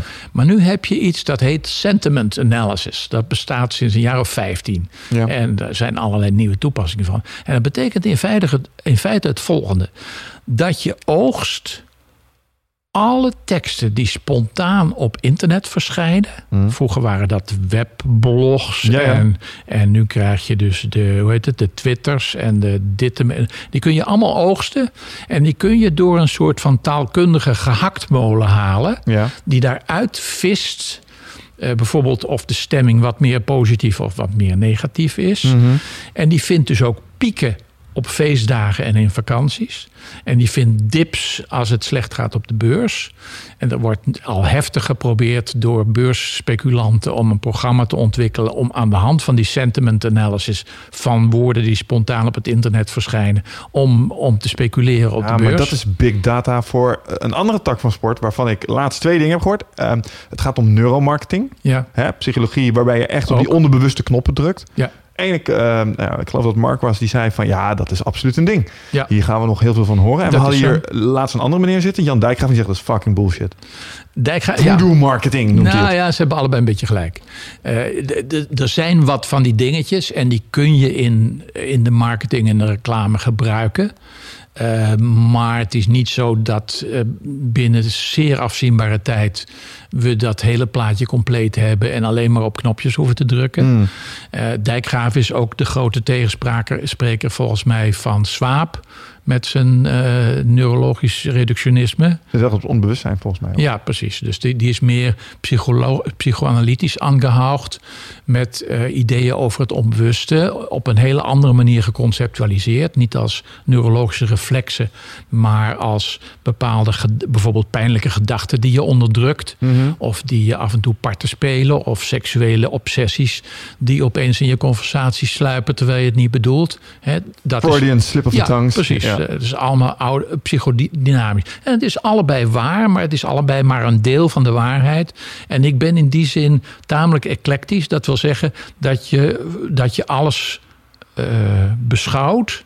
En kijkt van nou oké, hoe serieus is dat? Wat is de bewijsvoering? Wat zijn de voorbeelden? En dan is mijn conclusie van al die stromingen hebben een deel van de waarheid in pacht met de combinatie daarvan en met enig behendig uh, heen en weer surfen tussen het een en het ander, mm -hmm. kun je nog het meeste verklaren. Ja, eigenlijk zeg je. Uh, ja, maar ja, eigenlijk, eigenlijk ben je aan het MMA.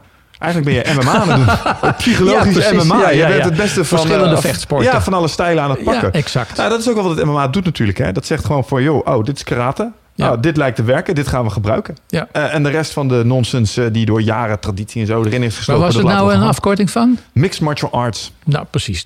Dus uh, dan, doen we, dan doen we MMMA, Mixed Mental Martial Arts. Ja, eigenlijk wel. En in welke stijlen zit je dan eigenlijk het meest? Want je hebt wel, um, dat weet ik dan nog net van psychologie, je hebt de klassieke Freudianen, wat volgens mij inmiddels ook wel een beetje ik heb, is. Ik heb sympathie voor alles wat het devies volgt ik zie, ik zie wat jij niet ziet. Dat is omdat ik ook natuurlijk veel in de media heb gedaan. En om interessante verhalen te vertellen over psychologie, moet het natuurlijk iets zijn wat niet al te zeer voor de hand ligt. En liefst iets waarvan je opeens laat zien. Het zit heel anders dan iedereen denkt. Ja. He, dus wat daar geschikt voor is, zijn onbewuste gevoelens. Mm -hmm. Dat is mooi.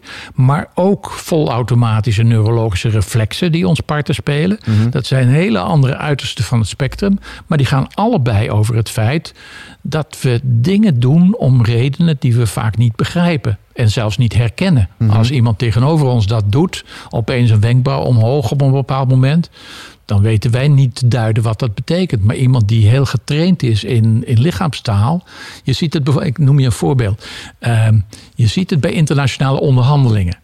Uh, dus hele belangrijke internationale onderhandelingen. Aha. Ten eerste, de onderhandelaars zijn tegenwoordig uitvoerig psychologisch, sociologisch getraind, neurologisch getraind. Mhm. Mm -hmm. En ten tweede zijn ze getraind in lichaamstaal. En dan zitten er vaak nog mensen op een videoscherm mee te kijken, Ja. drie kamers verderop, die nog meer kunnen inzoomen op de wenkbrauwen en de grote teen En- enzovoort. En de grootte je- van de pupillen waarschijnlijk. Exact. En dan soort kun je een heleboel uithalen over hoe het gaat met de Ik zou heel graag willen weten wat zijn lichaamstemperatuur en zijn hartslag is. Ja, ja, ja. Kan vast wel met een thermische camera. Kan Ja, bijna niet anders ja, dat dit ja. is. Nou ja, als je al die gegevens bij elkaar voegt en je laat ze goed interpreteren, dan kom je een heel eind. Vraag eh, over dit soort eh, stijlen. Want eh, ik geloof wel dat dat soort dingen meespelen. Ik geloof ook dat je non-verbale communicatie en de manier waarop je dingen zegt... absoluut op knoppen drukt aan de overkant. Mhm. kom je al redelijk snel aan het NLP Ja. en dat soort Ja. dingen. Ik heb een salesfunctie ehm, gehad. En een van de standaard NLP-dingetjes die je dan leren is ankeren. Dus als Ja. jij met een offerte komt en jij zegt van... nou ja, Ja. wat heb je er ongeveer voor over? Weet je wel, ja, normaal gesproken bij klanten doen we dit voor 100.000 euro. En jij komt met een offerte van 70.000 euro. Dan, heb- dan val je alweer 30k mee, want je hebt ergens een piketpaaltje geslagen. Ja, exact. Werken die dingen echt zo simpel? Nou, daar geldt hetzelfde van. Het is ook weer een benadering waar wat in zit, eh, wat dan enorm gehyped is en overdreven. Maar het is waar, er zit een kern van waarheid in. En sommige van die dingen kun je zo hanteren. En behendige mensen hanteren dat ook zo.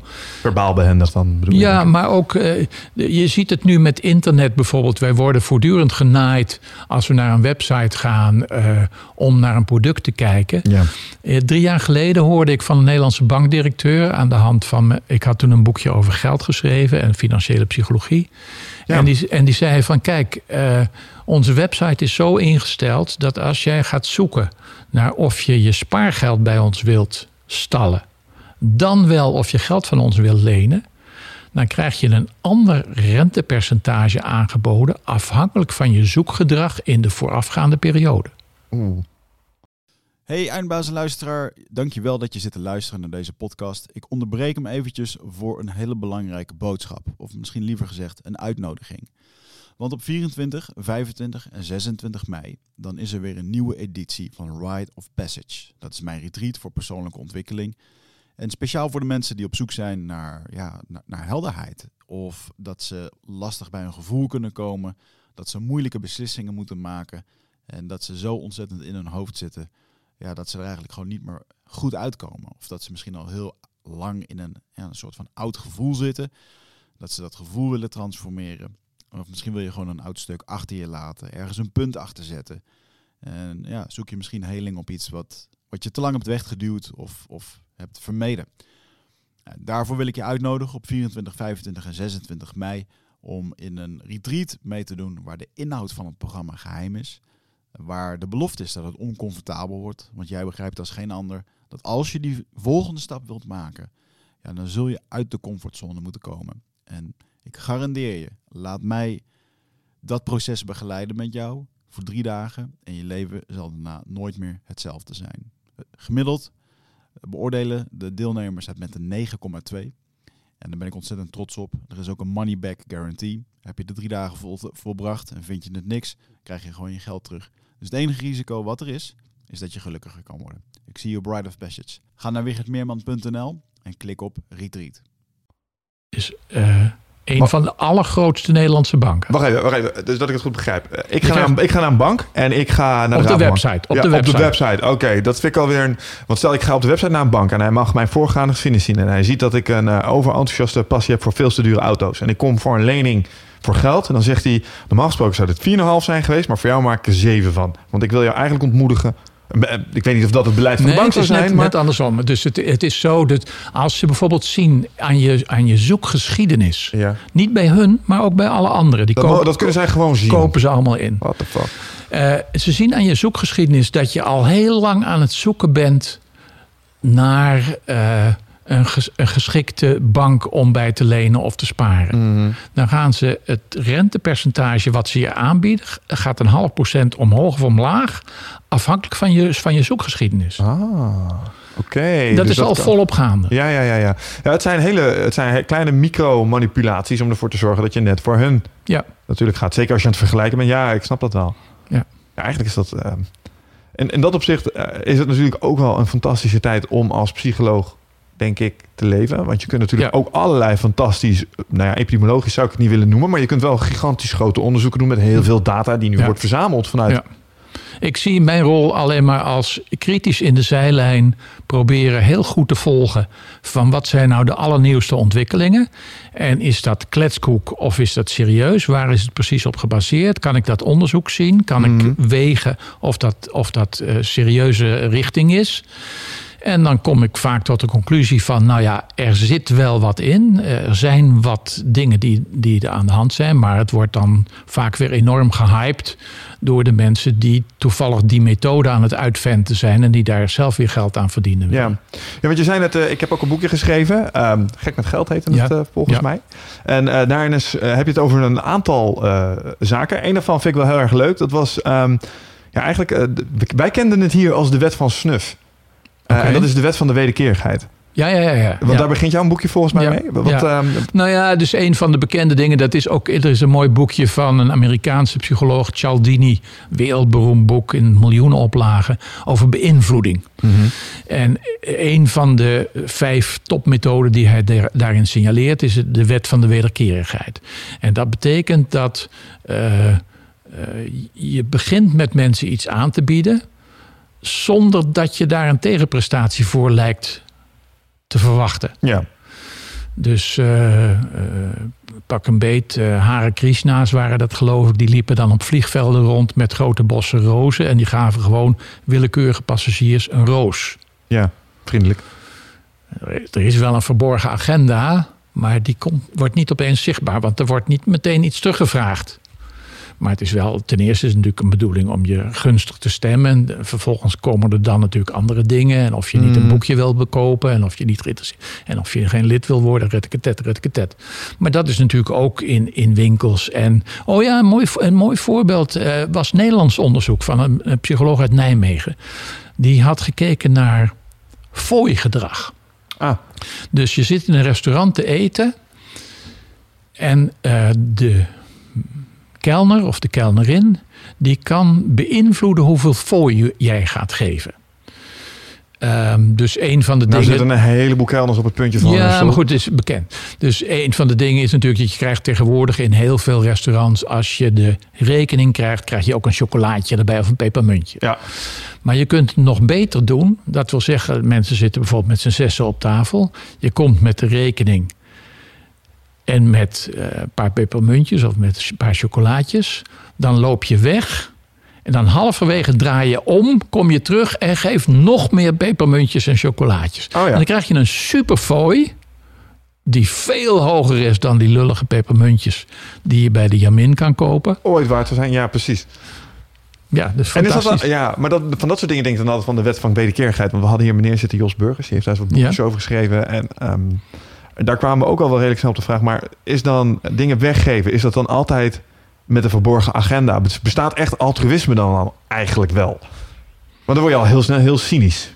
Je Ja, bent dat- altijd eh, dan altijd in het redeneren in termen van positieverbetering, statusverhoging. Ja, dat, ik denk dat het geen kwaad kan om, om sceptisch te zijn over, over dingen. Maar echt altruïsme bestaat. En ik- mijn bek valt vaak open van bewondering voor mensen die heel moeizaam vrijwilligerswerk doen. Ja. eh, zonder daar iets voor terug te verwa- verwachten. Ja, ze krijgen er een goed gevoel van, dat wel. Maar is er ook niet een beetje niet. social brownie points? Zo van de maatschappij vindt dat we het heel goed doen? Nee, ik denk dat er, dat er mensen zijn die oprecht andere mensen willen helpen. Die daarvan genieten eh, dat ze goed doen. Ja. En er wordt ook wel eens heel cynisch gezegd, bijvoorbeeld... de belangrijkste reden waarom mensen aan goede doelen geven... is niet voor het goede doel, maar om zelf een goed gevoel te krijgen. Mhm. Ik ben zelf bijvoorbeeld een slechterik. Ik geef ieder jaar eh, in de weken voor kerstmis... 1000 euro weg aan goede doelen... Maar de belangrijkste bedoeling daarvan is dat ik me dan niet meer schuldig hoef te voelen bij die televisiebeelden, bij die bedelaar op straat. Jij koopt je schuldgevoel af voor je exact, gevoel. Ja. exact, zo doe ik dat. En dan eh, precies verdeeld over de daklozen en de honger in de derde wereld en Amnesty International. Mm. Allemaal een beetje, allemaal 100 euro en dan eh, kan ik weer. eh, Ja, wat dat, vind, dat vind ik wel interessant als je dan kijkt naar. ehm, nou, je bent volgens mij wel iemand die redelijk kritisch naar de wereld kijkt. Eh, Je Mhm. bent ook niet. je weet ook wat er gebeurt, zeg maar. Ehm, Mhm. je zit zelf ook in het Westen. Je bent een psycholoog, psycholoog, dus je weet hoe al die interne ja, ratificaties, zeg maar, in je kop werken. Ja. Ehm, heb je ook wel eens het idee dat je.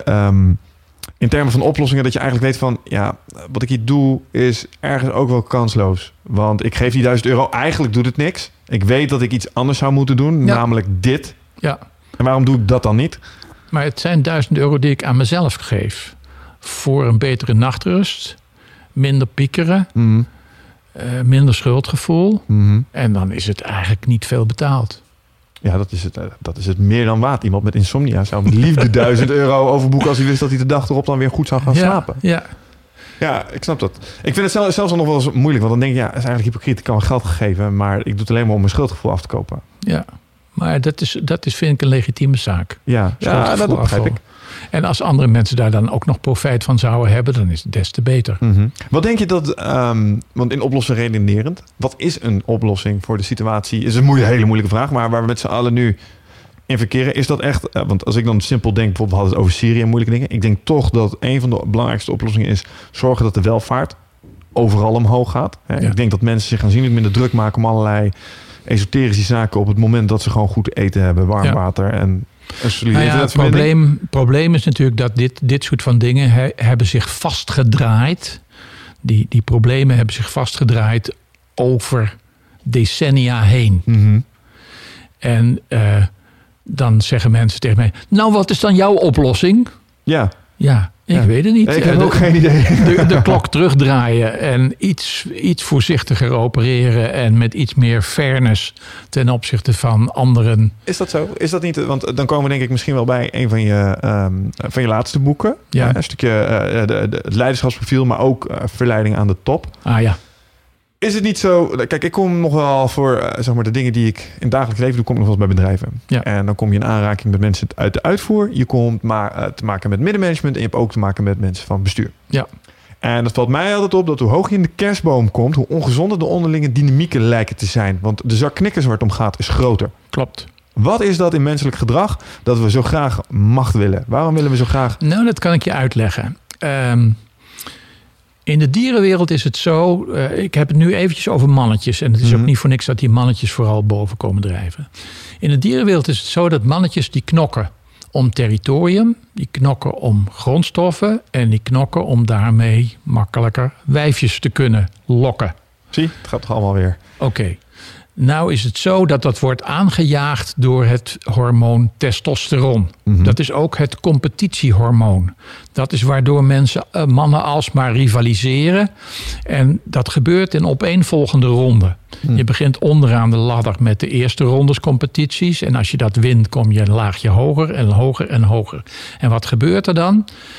Ehm, uit recent onderzoek blijkt dat als mensen eenmaal een paar ronden ge- gewonnen hebben, dat de kansen dan steeds groter worden dat ze die volgende rondes ook gaan winnen. Ja, ja, ja. Ehm, dus dat noemt men het winnaar-effect.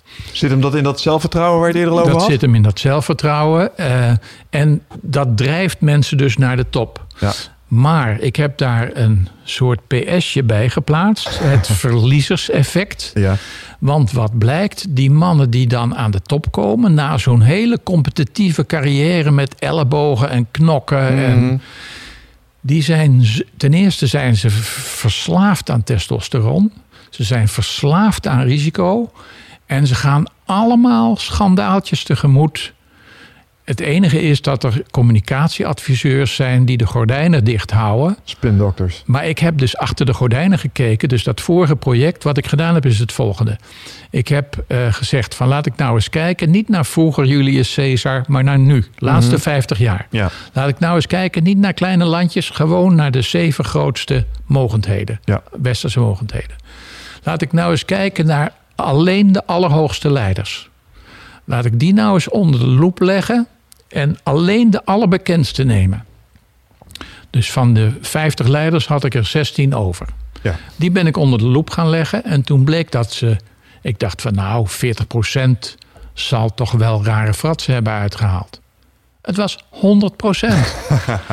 dus als je reconstrueert, vaak is dat pas na hun dood, wordt dat, komen de tongen los. Ja, En- natuurlijk. En, maar toen bleek dat ze dus alle 16 hele rare fratsen hadden uitgehaald tijdens hun bewind. En dat ze daar normaal gesproken onmiddellijk voor impeached zouden zijn of afgezet. Of Maar definieer even rare fratsen, want we kennen natuurlijk Nou. Clinton en Lewinsky. Oké, Ja. dus ik heb het over de zeven hoofdzonden uit de Bijbel. Oké. Dus dat is eh, seksuele obsessiviteit, dat is geld, dat is eh, agres- agressiviteit, eh enfin, machtsmisbruik. Mm, Allemaal dat soort van dingen. wraak. En dan blijkt dat ze allemaal niet zomaar een beetje, maar hele, hele rare fratsen hebben uitgehaald. Ik, ik, ik begin met het voorbeeld van mijn jeugdidool uit mijn studententijd. Dat was Kennedy. Ja. Een gezonde, moderne, verlichte man met visie. En een leuke vrouw en leuke kindertjes. Maar ondertussen wel Marilyn Monroe eh, achter in het Witte Huis. En eh. ten eerste was hij dus dood en dood en doodziek. Vanaf het begin al en aan het einde nog meer. Hij gaf zichzelf de hele dag injecties om overeind Oh, te echt? blijven. Omdat zijn dokter hem dat verboden had, deed hij het zelf. Met, met eh, testosteron en amfetamine en dat soort van Wat had hij dan? Nou, hij had, hij had drie verschillende dingen. Ten eerste had hij de ziekte van Addison. Dat is een, een, een eh, hormoonprobleem. Hmm. Dat moest aangevuld worden met testosteron. Ja. Dus dat maakte het alleen nog maar Dus erger. een van de wereldleiders, ja, die supplementeerde zichzelf actief met de testosteron. ja. En het was zo dat zijn arts op een gegeven moment zei... er was ene arts, die kende die van vroeger, die ging daarin mee. Hmm. Toen kreeg hij een nieuwe arts van hogerhand aangewezen. Die zei van, dat gaan we niet meer doen.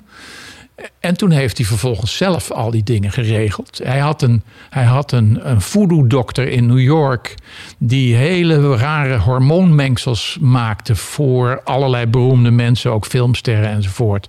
En hij ging ook iedere keer... Hij heeft het zelf vaak gebracht bij Kennedy, maar uh, het werd ook met de post opgestuurd. Enfin, je moet het maar lezen. Je valt van je stoel. Als Ja. je, en dat gaat alleen maar over het medische. Dan gaat het over het seksuele. Hij had een speciale assistent die moest zorgen dat er iedere dag voor de siesta een verse vrouw klaar lag op het bed die genaaid wilde worden. Wat? Oh, dus het, het ging nog wel even iets verder als alleen Marilyn Monroe. Precies. Dus hij had Maar er, er heeft dus iemand op de payroll gestaan in het Witte Absoluut. Huis. En het was dienstklus om... was een presidentiële assistent. Die de hele tijd dames van het vliegveld haalde en terugbracht. En ik noem een voorbeeld. Er is net een, een biografie verschenen van een stagiaire in het Witte Huis. Zeg maar Monica Lewinsky, 40 jaar eerder. En die vertelde, nou, ze kwam als jonge stagiaire, 19, kwam ze daar binnen. En eh, toen zei de presidentiële assistent van... nou, wacht maar even, straks zal de president zelf je het hele Witte Huis laten zien. Oh god, je hoe laat het is. Nou, dus inderdaad, ze belanden in de slaapkamer van de First Lady. En binnen de kortste keren was het gebeurd. En eh, nou ja, zij was een van de honderden. En wat ik dan grappig vind, is dat het dus blijkbaar als je dat weet... Eh, maar dat je dan toch voor de bel gaat aan dame. Er zit blijkbaar ook wel iets heel erg... Ja, natuurlijk. Het Eh. is zeer flatterend als een president van de Verenigde Staten interesse in jou toont. Ja, tenminste, maar dat vinden wij het. Want Ja. hè, eigenlijk feitelijk is het ook maar gewoon omdat medisch ook nog eens inadequaat, als ik Ja. dat zo beluister. Zit s'avonds ook gewoon te poepen. Ja, Wat is het toch dat als je eh, boven in die boom bent gekomen, dat wij vinden dat ja. je Preste- prestige. meer bent als de rest? Meer prestige natuurlijk. Dus dat, er is niets wat. Je, je hoeft maar op een receptie te staan en je ziet het gebeuren. Dat, dat dames natuurlijk ook geïnteresseerd zijn in mannen die wat hoger in aanzien staan en die wat meer eh cent te makken hebben. Is dat weer Eh, biologisch allemaal? Nou, dat gaat terug tot biologische dingen, maar in onze maatschappij heeft dat een iets andere vorm aangenomen. Nou, ik denk dan, joh, op het moment dat een vent eh, eh, voor zichzelf weet te zorgen, de schaapjes op het droge heeft, zo gezegd, dan is Ja. dat potentieel een goed nest voor mijn nageslacht. Zo zou ik Ja. als vrouw kunnen redeneren, Ja. dan denk ik biologisch gezien. ja, Want maar, ik wil is, zeggen dat er geen romantische intenties zijn, maar maar het is zelfs ook bijvoorbeeld iemand die veel op televisie is, eh, hè, die die roemafstraling heeft. Dat is ook al heel flatterend als die, zich, als die interesse betoont. Misschien omdat het op je afwrijft als individu. Van, dat maakt mij ook een beetje bijzonder. Het pompt je ego op. Ja. En eh, ik heb het nou over vrouwen, maar voor mannen geldt natuurlijk precies hetzelfde op, op andere manieren. Maar nog meer scheuige details over die wereldleiders, want dit verbaasde me. Heb je er nog zoiets? Nou ja, dus ik heb van 18 eh, wereldleiders heb ik de doopzeel gelicht. eh, research gedaan om minder bekende informatie te pakken te krijgen over hoe ze leefden in de tijd dat ze in de ambtswoning zaten. En vaak is bij stukjes en beetjes is dat naar buiten gekomen. In het geval van Kennedy bijvoorbeeld zijn er getuigenissen van geheime agenten die daarbij geweest zijn de hele tijd. En die zeiden dus tegen de researcher die ze had opgespoord op een gegeven moment... we hebben dit verhaal nooit aan iemand verteld... omdat niemand zou dat ooit geloofd hebben. Nee. Want dat is ook iets wat ik denk, hoe... eh, Weet je, bij dit soort eh, bijna fantastische verhalen denk ik altijd... hoe hou je deze informatie binnensdeurs? Ja, ja, ja, ja. dat is ook zo, ja. Weet je wel, dat is wel eens het... Het vergt een hele organisatie. nou, behoorlijk. En Nou, je had dus, smeergeld. ik noem je een ander voorbeeld, maar ja, goed, ik kan dagen doorlullen daarover. En een ander mooi voorbeeld is het volgende. Ook een van de idealen van mijn jeugd, Willy Brandt. De vredelievende kanselier van Duitsland, die de opening naar het oosten heeft gemaakt, die een sociaaldemocraat was, een weldenkend mens, eh, mensenrechten enzovoort. Goed. Nou, dat was ook nogal een vrouwenvriend. Eh, en in het begin Een charmeur. in het begin, ja, het was, het was eigenlijk een hele geremde, introverte man die, die niet los kon komen. Maar als hij charmant vrouwengezelschap had, dan kwam die wel los. Nou goed, dus in het begin waren er een aantal affaires. En op een gegeven moment was er een hele organisatie ingericht. Later kreeg hij een langdurige affaire die verborgen moest blijven. Er was een hele organisatie ingericht vanuit het, eh, het kansel, kanselarij met assistenten die meegingen in de speciale trein van de kanselier door het land heen. En die dan zorgden dat als er een harde, lange werkdag was geweest, dan kwam er om 12 uur s'nachts kwam er iemand aan de deur kloppen. Maar op een gegeven moment kwam er een langere affaire, die moest ook georganiseerd worden. En er was één speciale assistent van de kanselarij die dat op een gegeven moment allemaal regelde. Jezus. En weet je wie dat was? Nee, Merkel. Günther Guillaume, die later bleek een Oost-Duitse spion te zijn. Ah. Dus die had dat allemaal opgeschreven. Ja, en dan ben je plots... eh, En, en dus dat was niet meteen duidelijk. Dus opeens, opeens was het zo dat Willy Brandt moest terugtreden. En er was volstrekt onduidelijk waarom dat was. En dan was die affaire Günther Guillaume. Maar iedereen had zoiets van... ja, een spion op de kanselarij, dat is toch niet zo erg. nee, maar het is wel compromitterend En natuurlijk. het is pas veel later bekend geworden wat daarachter zat. Waarom doen we er eigenlijk nog zo schijnheilig over in deze maatschappij? Ja, ja Als we dit dan allemaal inrichten met elkaar en we weten dat het gebeurt. Eh, Was het laatst ook niet met eh, de ehm, Franse president... dat zijn vrouw eh, met de vaas aan het gooien was in het presidentiële huis of Dat zo? zou best kunnen. Carla Bruni, ik weet het niet. Oh, nee, oh, ja, eh, van François Hollande. Jazeker, ja. Er was toch ik- ook een andere vrouw in het spel? Ik zit op de eerste rij. Ik woon in Frankrijk en ik volg de Franse politiek al 40 jaar met eh, steeds nog stijgende verbazing. Hoe het toch in Gods naam kan. Ja, want het is wel een, eh, soms een beetje een circus daar, of niet? Ja, Frankrijk is, en, en dan is Nederland eigenlijk buitensporig braaf. Ja? Buitensporig. Nederland is eigenlijk een voorbeeld voor de wereld. We zijn Eh, wel een beetje het braafste kindje van de vind, het klas. is niet zo dat de politici nou problemen oplossen. Het is ook wel zo dat ze veel problemen maken. Maar ze zijn in ieder geval niet door en door corrupt. Nou ja, Door en door geil. En eh, door en door dronken. als we onszelf eh, tegen de andere wereldlanden afzeggen, zitten we volgens mij op de, staan we op de zesde plaats. Er staan er een aantal Scandinavische landen boven Ja, ons. Dus ja. we zitten prima volgens mij. Ja, ja, u Is kunt het- rustig slapen. Ja, hè? is het trouwens ook niet zo dat het in Frankrijk dat het het enige land is dat een wettelijke eh, clausule heeft dat borgt dat als jij thuis komt en jij treft jouw vrouw met een minnaar aan in bed en je klikt hem van het balkon af, dat je dan vrij uitgaat? Dat, dat, dat heeft. ik heet weet niet, mij. Ja, crime passionnel. Dat speelde in Italië ook lang. Eh, eh, dat, heeft in, eh, dat, dat, heeft in de jurisprudentie in ieder geval gestaan. Of dat nu nog zo gehanteerd wordt, dat weet ik niet. Ja, dat de rechter zoiets heeft van, oh, dus een Maar ander dat- was je wijf aan het neuken, dus je god maakt hem dood. Ah, dat snap ik wel. Nee, maar goed, dan is natuurlijk, daar komt dan weer de psycholoog aan te pas. En de psycholoog die verklaart dan van ja, hij wist even helemaal niet wat hij deed. Ja, En dan, ja, dan is het ontoerekeningsvatbaarheid. Ja, Crime passionnel. ja, ja. ja. Ik weet niet of het nog zo is, maar het is niet zo lang geleden dat dat nog eh, gold. Je woont al een tijdje in Oh, Frankrijk. je, je, je bent er zo nieuwsgierig naar. Eh, weet je partner daarvan? Wat zeg je? Die luistert hiernaar, dus dat wordt wel interessant. Wij gaan niet in Frankrijk wonen. Der Feind hört mit. Ja, inderdaad.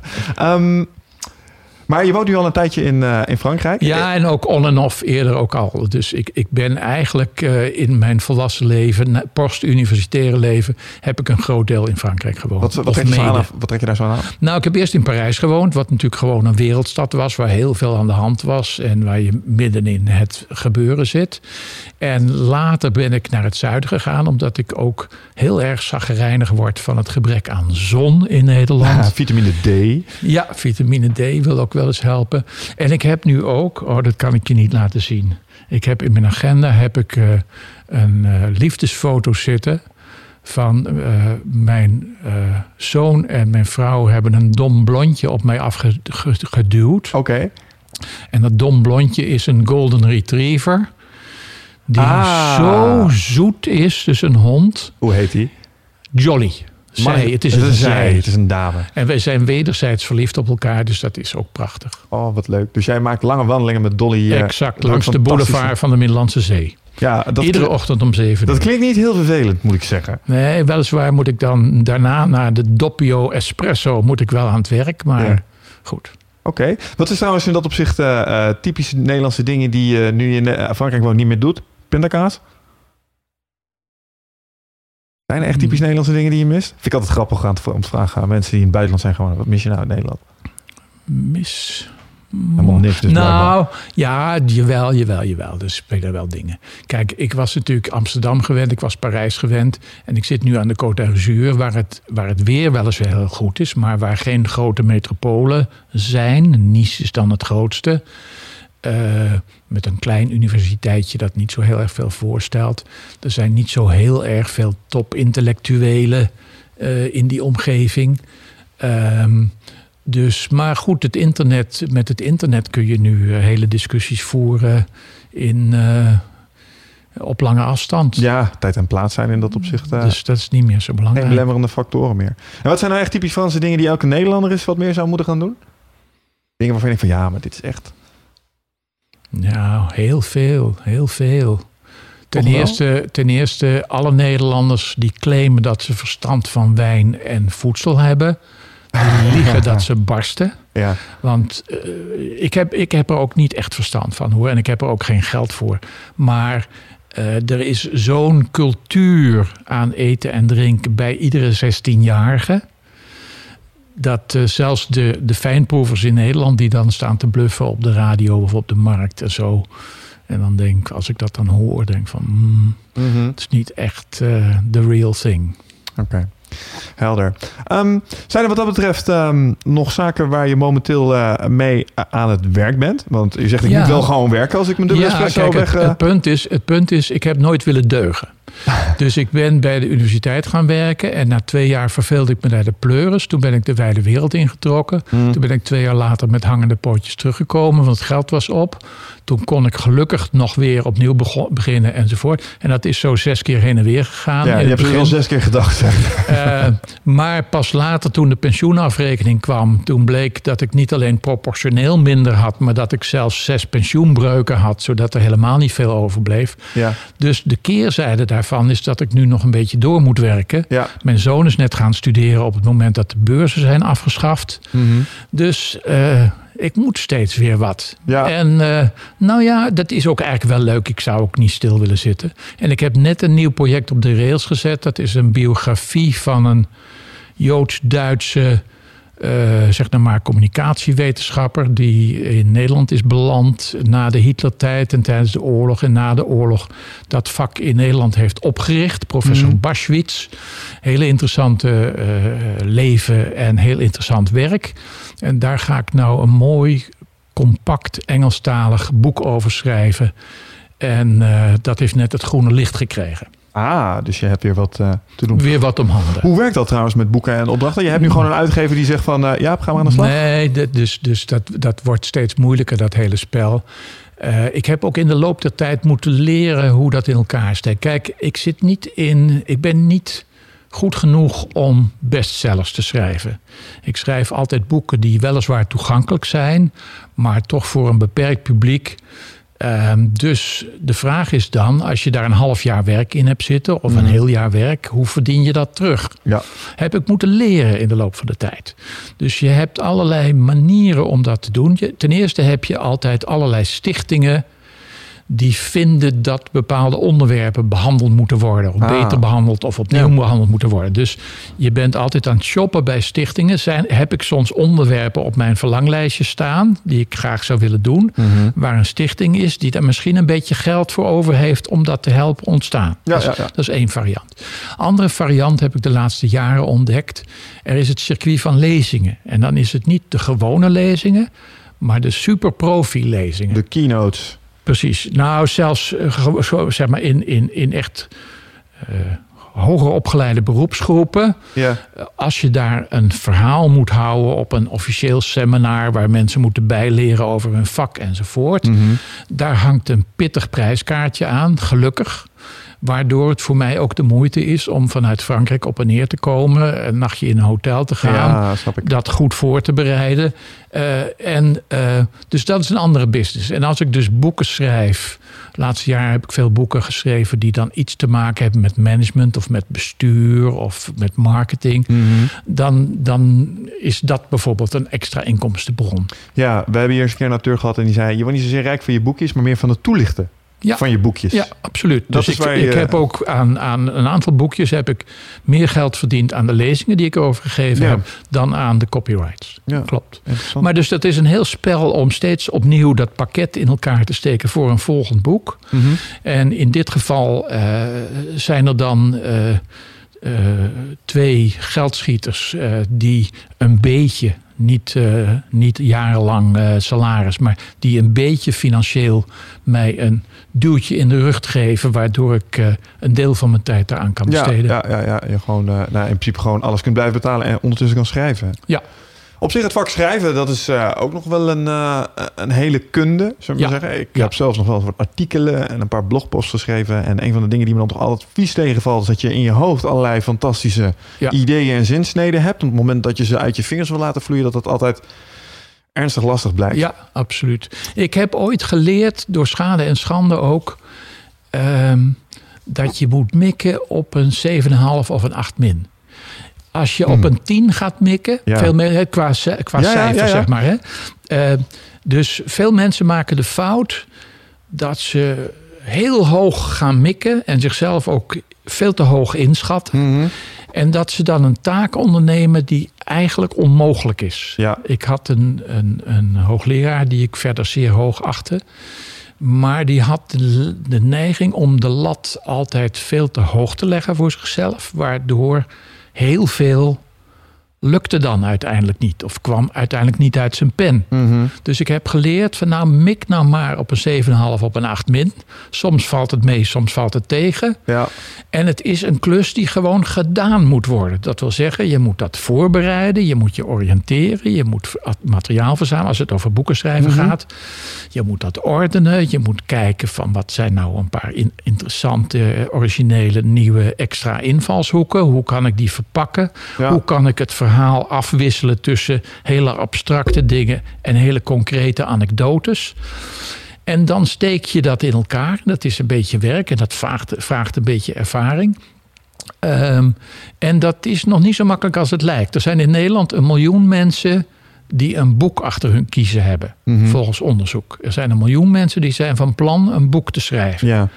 En veel van die boeken zijn de moeite waard. Mensen die dingen hebben meegemaakt enzovoort. Maar het, het, het, het ambacht van hoe je dat opschrijft op een gedisciplineerde manier. Ja. En ook zorgt dat het binnen een half jaar of een jaar of twee jaar af is. Ik heb over mijn proefschrift, dat is dus het, het hoogste wat je aan een universiteit doet, heb ik eh 13 jaar gedaan, geloof ik, alles met elkaar. En dat is eigenlijk iets wat in vier jaar moet gebeuren. Ja, dan is eh, uitstelgedrag jou geen vreemde. Absoluut niet. Nee, maar dan ga je ook steeds meer overhoop halen. En dan ontdek je nog weer een interessante eh, eh, nevenontwikkeling. En uiteindelijk ben ik cum laude gepromoveerd op de helft van wat ik van plan was. Ja. Dus, mijn jij had hoge- jezelf geen tien, eh, zeg maar, jij wilde er een twintig van maken eigenlijk. Nou ja, ik, ik haalde van alles overhoop. En mijn hoogleraar die zei toen op een gegeven moment van... Zou je niet langzamerhand eens eh, de- de- de- een, punt aan draaien Ja, aan het die drol? mooi aan die geweest drol? zo, ja, ja. ja. En ik had eigenlijk nog van alle. En toen zei hij: daar kan je toch altijd nog deel 2 van maken. En dat trok mij over de streep. Slimme dus toen move. heb ik het maar afgemaakt. Ja. Nou, dus eigenlijk wat ik je hoor zeggen is enerzijds eh, een eh, better done than perfect houding. Ja, Eh, we- Absoluut. we- ik kom uit softwareland. We hebben een, ik heb wel eens tegen een release die de deur uit moest zeggen, fuck it, ship it, bij wijze van spreken. ja, ja, het moet er maar uit, het is echt niet anders. Dus dat heb je, want het is eigenlijk nooit perfect. nee. En enerzijds benoem je iets anders en dat is misschien wel een stukje discipline. Ja. En in de dingen die ik doe, merk ik dat de meeste mensen prima weten wat er moet gebeuren. Mhm. Zeg maar dat voorbereidend werken zo, dat weten ze allemaal. Ze weten best wat er Ja. Maar op een of andere manier, als puntje bij paaltje komt, lukt het toch niet zo heel goed Nee. om het te gaan doen. En dat is misschien nog wel een onderwerp dat wil ik je dan als psycholoog ook nog wel eens even vragen. Wat is de deal met uitstelgedrag? Hoe, wat is dat in ons mensen dat ervoor zorgt dat als wij weten dat dit een gunstige handeling is, dat we hem toch verzaken? Nou, dat is, dat is perfectionisme. Neemt de, de vorm aan van perfectionisme. Dat wil zeggen, je legt de lat voor jezelf te hoog. En je bent niet realistisch in van hoe je dat dan gaat doen en invullen. Eh, en dat wil zeggen dat je steeds maar excuses vindt om niet, te niet toe te geven dat je faalt ten opzichte van het te hoge ideaal wat je jezelf gesteld hebt. Ah, dat is wel een interessante. Want vaak hoor ik een uitleg en dan zegt men... ja, het is pijnmijdend gedrag. Want je wil niet werken, want homo economicus... Nee, nee, en dat is het niet. Dat is het niet. Het, het, het, is, eh, het is niet voldoende zien dat het gewoon een klus is. Hè? Dus ik heb nu net een klus voor een, een, eh, een biografie over die professor Kurt Baschwitz. Dat was een Duitse balling die de communicatiewetenschap en de massapsychologie in Nederland op de kaart heeft gezet. Die in de oorlog ondergedoken zat. Eh, en ehm, dan moet je gewoon zeggen van oké, eh, hoeveel tijd heb ik daarvoor nodig? Hoeveel wil ik de diepte ingaan? Want er zijn mensen die kunnen daar een proefschrift over willen maken. Dan moet je vier jaar de archieven in enzovoort. Mhm. Ik zeg van nee, ik wil juist een compact toegankelijk boek maken. Wel in het Engels. Ik denk dat ik daar alles bij elkaar een jaar voor nodig heb. Maar ik doe ook nog andere dingen. Dus ik verdeel het over twee jaar. Ja, maar wel echt planningen voor jezelf. En dan maak ik echt planningen. En dan moet je ook deadlines, moet je ook zeggen van nou tot een bepaald moment. Ik zit nu in een researchfase. Nou, dan haal je van alles overhoop. Het moet ook een beetje gericht zijn. Je moet geen dode paden inslaan.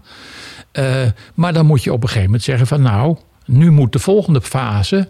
Eh, dat je de eerste versie van het manuscript schrijft. Ja. En dan volgt de fase dat je met de billen bloot moet en het aan 10, 12 mensen die je respecteert Ja. voorlegt met het vriendelijke verzoek: zou je alsjeblieft tijd willen vrijmaken om, Om daar dit- kritisch naar te kijken? Nou, dan zijn sommige mensen die zeggen: die heb ik zeggen, ik heb het gelezen, ik, het is goed. En ans- andere mensen die zeggen van ja, pagina 47, eh, tweede alinea, regel 3, Mhm. daar staat eh, dit of dat. En volgens mij klopt dat niet helemaal.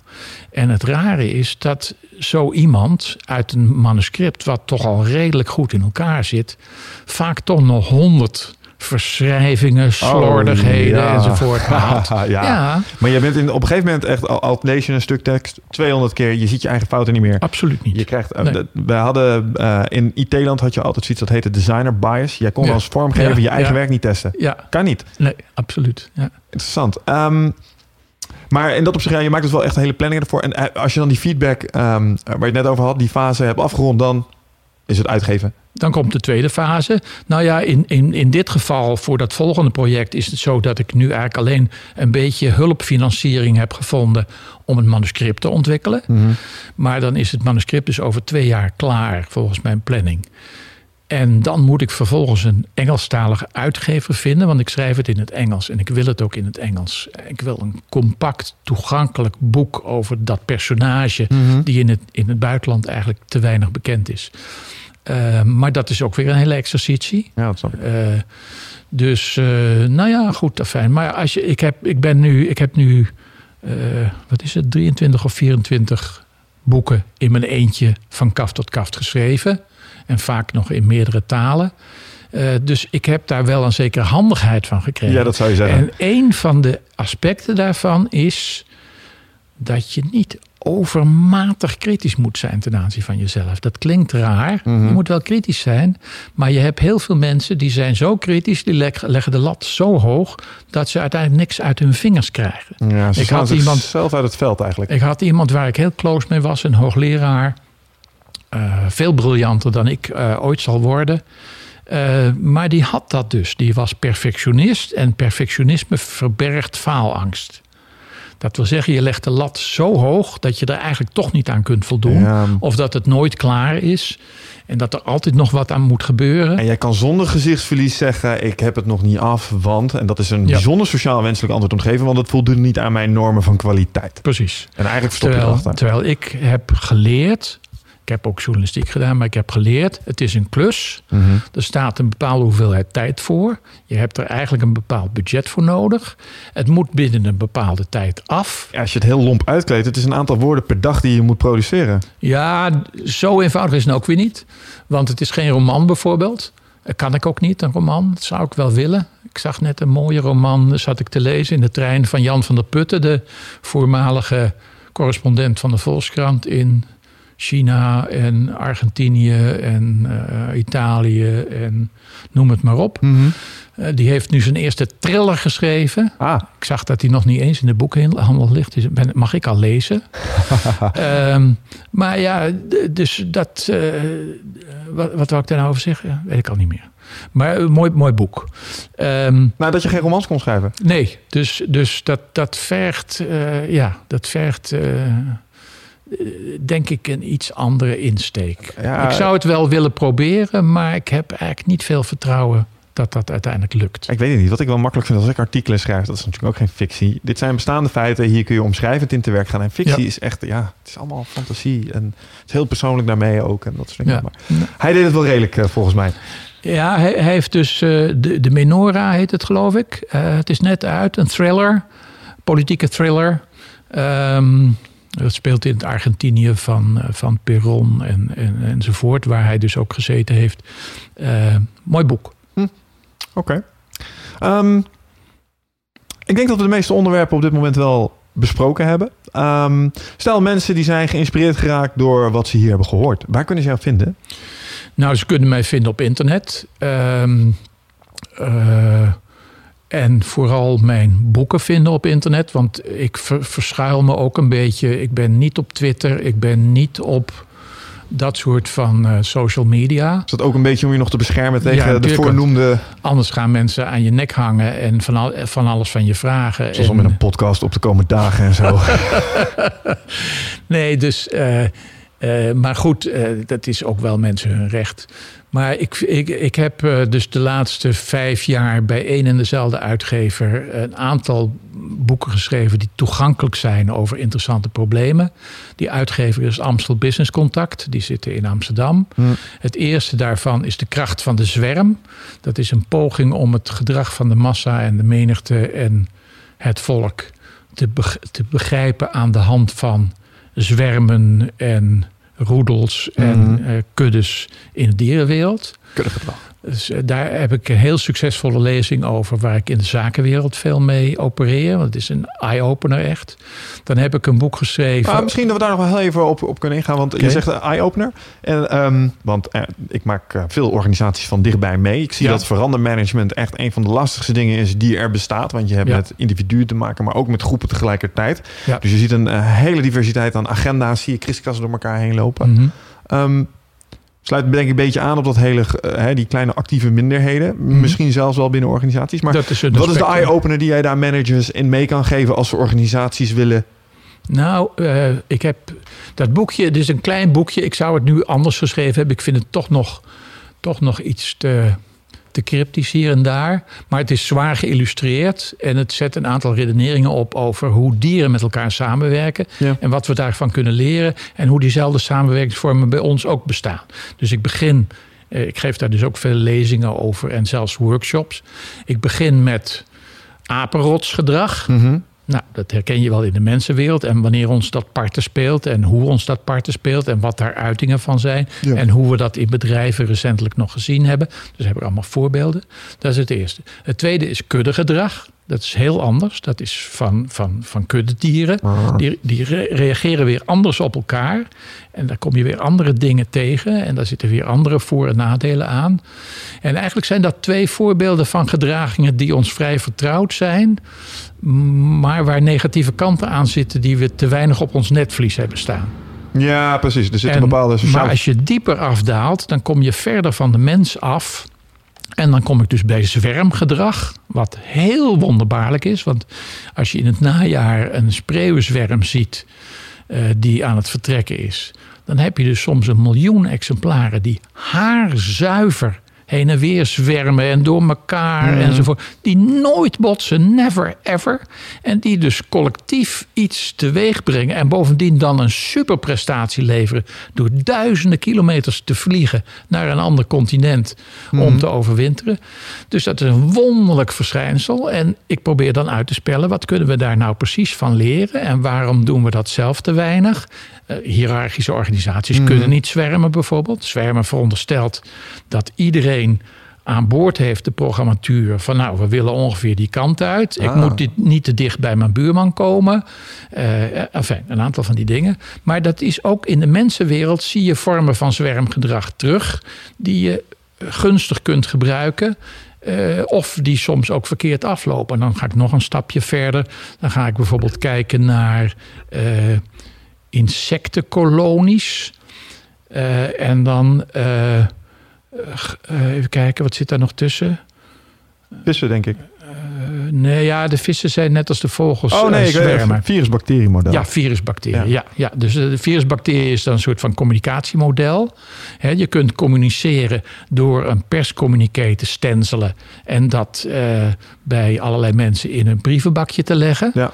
Maar beter is het om een hele leuke anekdote te bedenken en die via internet in omloop te brengen. Mhm. En die vertelt zichzelf dan voort. En er zit dan een boodschap in verpakt die jij graag uitgedragen wilt hebben. En dat is wat viral is? Ja, ja? precies. Ja. Oké, interessant. Ja, Dus eh, dat is vaak voor mensen een eye-opener. Ook omdat ik heb besloten, ik, dat heeft te maken met mijn eigen specialisme massapsychologie. Ja. Ehm, maar als je die massapsychologie uitspelt met allerlei nieuwe abstracte principes enzovoort, dan gaat het mensen al snel boven de pet. En ik dacht, ik moet dat verhaal eens op een andere manier vertellen. Aan de hand van diergedrag. Dus het heet De Kracht van de Zwerm, is een zwaar geïllustreerd boekje. En ik heb daar nu ook eh, workshops bij eh, om, zeg nou maar, mensen in organisaties te leren onvermoede kanten van hun samenwerking te zien. Van wat gaat er goed, wat gaat er fout, hoe kun je dat anders doen. Ehm, Waar manifesteert die biologische of die evolutionaire bagage zich nog? ja, dus hoe kun je bijvoorbeeld zelfsturende principes introduceren in je organisatie, waardoor je niet meer alleen maar een hiërarchie hoeft te hebben met een baas die voortdurend aan het dreigen is en af en toe iemand ontslaat of een premie geeft, Mhm. maar waarbij mensen elkaar stimuleren, aansturen, corrigeren, zonder dat er één baas bij nodig is. Ja. Ben ik heel cynisch als ik eh, soms dan, eh, dan hoor ik het dingen en dan, eh, hè, dan hoor je over dienend leiderschap en over hè, zo plat mogelijke organisaties hoor je Ja. mensen praten. Ja. Ik heb zelf ook wel eens mensen aangestuurd Ja. en dan probeer je ze allemaal fantastisch en glorieus in hun kracht te laten staan. Maar er zit er altijd een paar tussen. Ja, Ja, die hebben een eigen agenda, die hebben geen zin, die zitten daar om hun paycheck op te halen en dat soort Ja. dingen. En dan word ik alweer redelijk snel redelijk cynisch. Hoe krijg je die mensen dan mee in dat soort organisatiemodellen? Want sommige mensen, ja, laten we wel wezen, die moet je gewoon achter de broek aan zitten. ja, nou ja, goed. Dus de, de, de- de mensen in de zwerm zijn daar ook toe in staat. Ja, het is een zelfregulerend mechanisme. Het is zelfregulerend, maar eh, het is waar. Het is niet zo simpel als het lijkt. Maar soms is het al leuk om het ideaalmodelletje op een voorstelbare manier. Dus alleen al dat beeld van de zwerm. Hè? Ja, precies. Dus ik zat te zoeken naar hoe kun je die principes nou het beste eh, uitvertellen en illustreren. Dus ik dacht, ik hang dat op aan manieren waarop dieren zich organiseren. En ik laat vijf verschillende oerprincipes van organisaties zien aan de hand van die dieren. En het is waar dat als mensen dat horen en vooral als ze het eerst een keer zien, want ik heb daar dan mini-filmpjes bij van één minuut, Mhm. die de principes heel erg op je netvlies zet. En dat vergeten mensen nooit meer. Nee. Als je een zo'n zwerm ziet opstijgen als een donkere wolk. En een, hele horizon eh, verduistert. Shit, hoe krijgen ze het voor? En wat zijn wij toch eigenlijk een primitievelingen met onze organisaties? Van een baas die de hele tijd. Ik zat mensen- net te denken toen je zei een miljoen van die dingen die door de lucht heen vliegen en ze gezamenlijk manoeuvreren. Toen dacht ik, je zou eens een miljoen mensen in helikopters moeten zetten en hetzelfde laten doen. Ja, ja. Dat gaat niet goed. Nee, precies. En toch, toch zijn er allerlei zwermachtige organisaties. En dat is ook zo dat mensen zijn steeds hoger opgeleid. Mensen begrijpen vaak heel goed wat de bedoeling is van een organisatie. Kunnen zichzelf corrigeren. Eh, Je kunt mechanismes inbouwen waardoor ze zichzelf corrigeren. Dus ik heb daar nu een workshop bij. eh, waarbij ik mensen een aantal principes laat ontdekken van zelfsturende organisaties Mhm. aan de hand van die diermodellen. En eh, dat is een enorme eye-opener voor mensen. Dat ze opeens zien van shit, we kunnen dat op een hele andere manier doen. Wat we nu, zeg maar, roosteren bijvoorbeeld. Hè? Ja. Zelf roosteren. Dat is ook zoiets. Ja, dat moet je natuurlijk, eh, op een bepaalde manier moet je dat Zo, corrigeren. ik weet echt een sector waar jij echt bakken met geld kan verdienen. En dat is de onderwijssector. ik ben recent aan mijn eerste academische jaar gestart. Ik mag nu wat lesgeven in het. HBO. Dus ik Oh, kom leuk. ook in aanraking met het hele roosterproces. Ja, Holy crap, dat is echt een bedrijfsproces. Daar Ja, kun je ja. nog meters maken. Absoluut, En jij zegt dat dat een, een bedrijfsproces is dat zich met name goed leent voor zelfstudie? nou ja, niet in alle organisaties. Het Maar hangt zegt voor onderwijs heb je natuurlijk ook weer studentjes waar Ja. je wat mee te maken Maar goed, je kunt bijvoorbeeld ook corrigeren. Dus je kunt, je je kunt zeggen van nou, eh, bijvoorbeeld eh, bepaalde mensen hebben nooit zin om in het weekend te werken. Mhm. Die hebben gezin. Andere mensen die zijn vrijgezel. En die willen niet iedere, iedere zaterdag doorhalen in de disco. En die zeggen, oké, doe mij maar een, zondag, een zondag. Maar moet je wel een kwart eh, extra premie geven op Ja, het precies. salaris. Ja, ja, Dus je kunt daar een zelfregulerend systeem van maken. Waarbij mensen inschrijven op bepaalde uren die veel gevraagd zijn, weinig gevraagd zijn. ja. En dat zichzelf gaat reguleren. na Het gaat wel uit van ehm, zeg maar individueel inzetbare capaciteit. Want op het moment dat het groepsdynamiek is, is het dan weer lastig. Want je wil juist de synergie halen van de gemeenschappelijke aanwezigheid. Hè, soms zit je in een ja, multidisciplinaire waardeketen, zoals ze dat al mooi noemen. Met Ja. andere woorden, je hebt de input van een ander nodig. En je zelf Ja. bent zelf ook weer input voor Ja. iemand. Ja, maar zelfs daarvan geldt dat zeker natuurlijk we nu ook supercomputers hebben, dat er steeds meer processen zelfregulerend kunnen worden gemaakt. Mhm, ja. Hè? Dat je mensen ook kunt laten bieden op, eh, op populaire of onpopulaire eh, lesuren bijvoorbeeld. Ja. Van, Als jij een onpopulair lesuurtje in de deeltijd midden om 9 uur s'avonds op de maandag neemt, dat je daar meer voor krijgt of zo. Ja, precies. En dat je dan denkt van nou, eh, voor mij is het geen probleem. En voor andere mensen is het wel een probleem. Ja. Eh, maar goed, zo zijn er dus ve- veel meer principes. Ik heb daar een soort van kaartspel bij gemaakt. Wat je dan in een workshop speelt. En ik heb er ook bij bedacht dat mensen moeten dan eigenlijk. e- Het is altijd een abstracte term eerst. Hè, roosteren, zeg nou maar. Dan moeten ze eerst uitbeelden het woord roosteren. Dat moet dan geraden worden. Dus krijg je al enige hilariteit. Maar dan zijn de tongen ook meteen los. Ja. Dus dat als je dan vervolgens opwerpt van hoe kun je dus een zelfroosteringssysteem maken met zo min mogelijk frictie, hoe moet je dat dan inrichten? Nou, je kunt bijvoorbeeld zeggen van sommige uren zijn meer waard dan andere uren. Hè? Ja. Dus de uren die iedereen wel wil geven, omdat ze lekker in de week liggen, ja, die zijn dan een fractie minder waard. Terwijl, ja, eh, precies. Die eh, kennen een andere waarde. ja, Gaaf. nou ja, goed. Zo, Ja, dat- nee, maar dit, dit- deze is wel duidelijk. Oké, ehm, eh, volgens mij, we- je had het over, want dit boekje was eh, De kracht van de zwerm, zei je. hè? ja, de kracht van de Eentje waar ik zelf ook nog wel erg eh, geïnteresseerd in was, waren striphelden op de divan. Ja, Jij hebt een psychologische analyse gemaakt van onder andere Donald Duck. Ja, ja, ja. ja dus eh, dat is niet helemaal origineel, want er was al in Frankrijk al iemand bezig en er waren al meer mensen bezig met, zeg maar, op psychoanalytische en anderszins psychologische wijze te kijken naar de problemen van striphelden. En ik heb het dus gedaan in een soort van gelaagdheid. Je kijkt eerst. Nou, nee, wacht. Je, je, je liegt. Dat is eigenlijk de beste truc. Je liegt. Je doet alsof je kijkt naar de problemen van de striphelden. Van waarom wordt Donald Duck altijd zo snel boos, Ja. bijvoorbeeld. En dan ga je psychoanalyseren waar dat vandaan komt. En dat blijkt altijd te maken te hebben met complexen bij de maker. Ah. Vooral daar waar de strips door één of twee mensen samen gemaakt zijn. Mhm. Ehm, dus eigenlijk ga je de maker op de divan leggen aan de hand van de striphelden.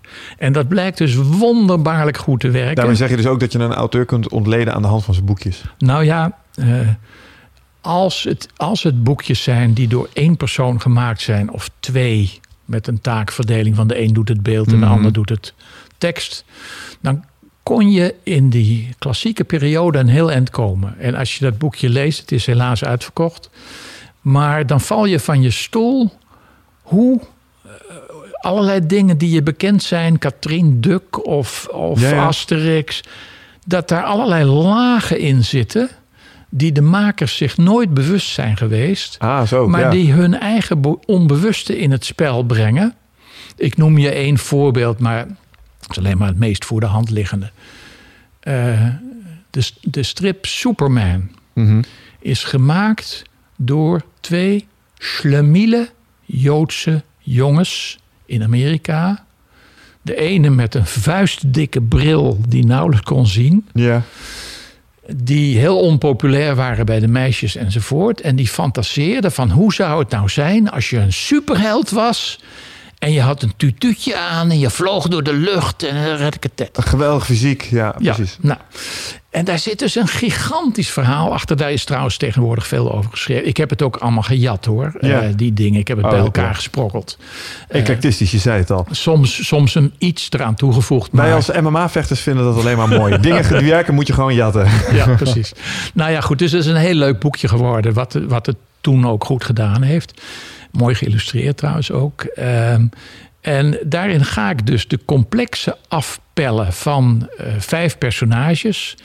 Dus Superman, Donald Duck, is Barbar. nou Babar, eh, Asterix en nog eentje, Kuifje. Oh ja. Natuurlijk, ja. Ja.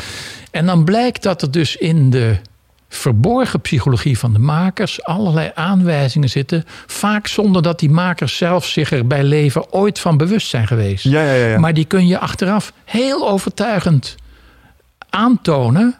Ja, maar dat komt daarom. Juist. En dat was ontzettend leuk om te doen. Eh, en daar heb ik ook nog een tijdje lezingen over gegeven natuurlijk. Mhm. Waarbij je dan probeert om het raadsel achterstevoren te onthullen. Dus niet meteen te vertellen hoe het zit. Maar van raadsel naar raadsel naar raadsel. En dan uiteindelijk valt het kwartje. Ja, moet je natuurlijk ook wel een klein beetje neerzetten. Ja, dat snap Ja, ik. Ja, ja. leuk. Gaaf. Oké, ehm, Dus dat zijn de boeken die eh, over het algemeen... eh, die zijn op bol.com en op managementboek.nl wel te vinden. Zit er nog andere Ja. interessante tussen waar je het nog... Mm, ja, dat gaat allemaal verder terug. Dus ik heb over, over die eh, eh, eh, films over exotische landen. En ik heb over, over massapsychologie heb ik veel geschreven. Ik heb een boek geschreven over massapsychologie en chaostheorie en nog zo allerlei dingen. Maar die laatste vijf, die zijn eigenlijk het meest toegankelijk. Dus dat is de kracht van de zwerm, het enthousiasmevirus, eh, verleidingen aan de top. eh, nu het laatste, hoe heette dat nou ook weer? eh, de le- le- leider.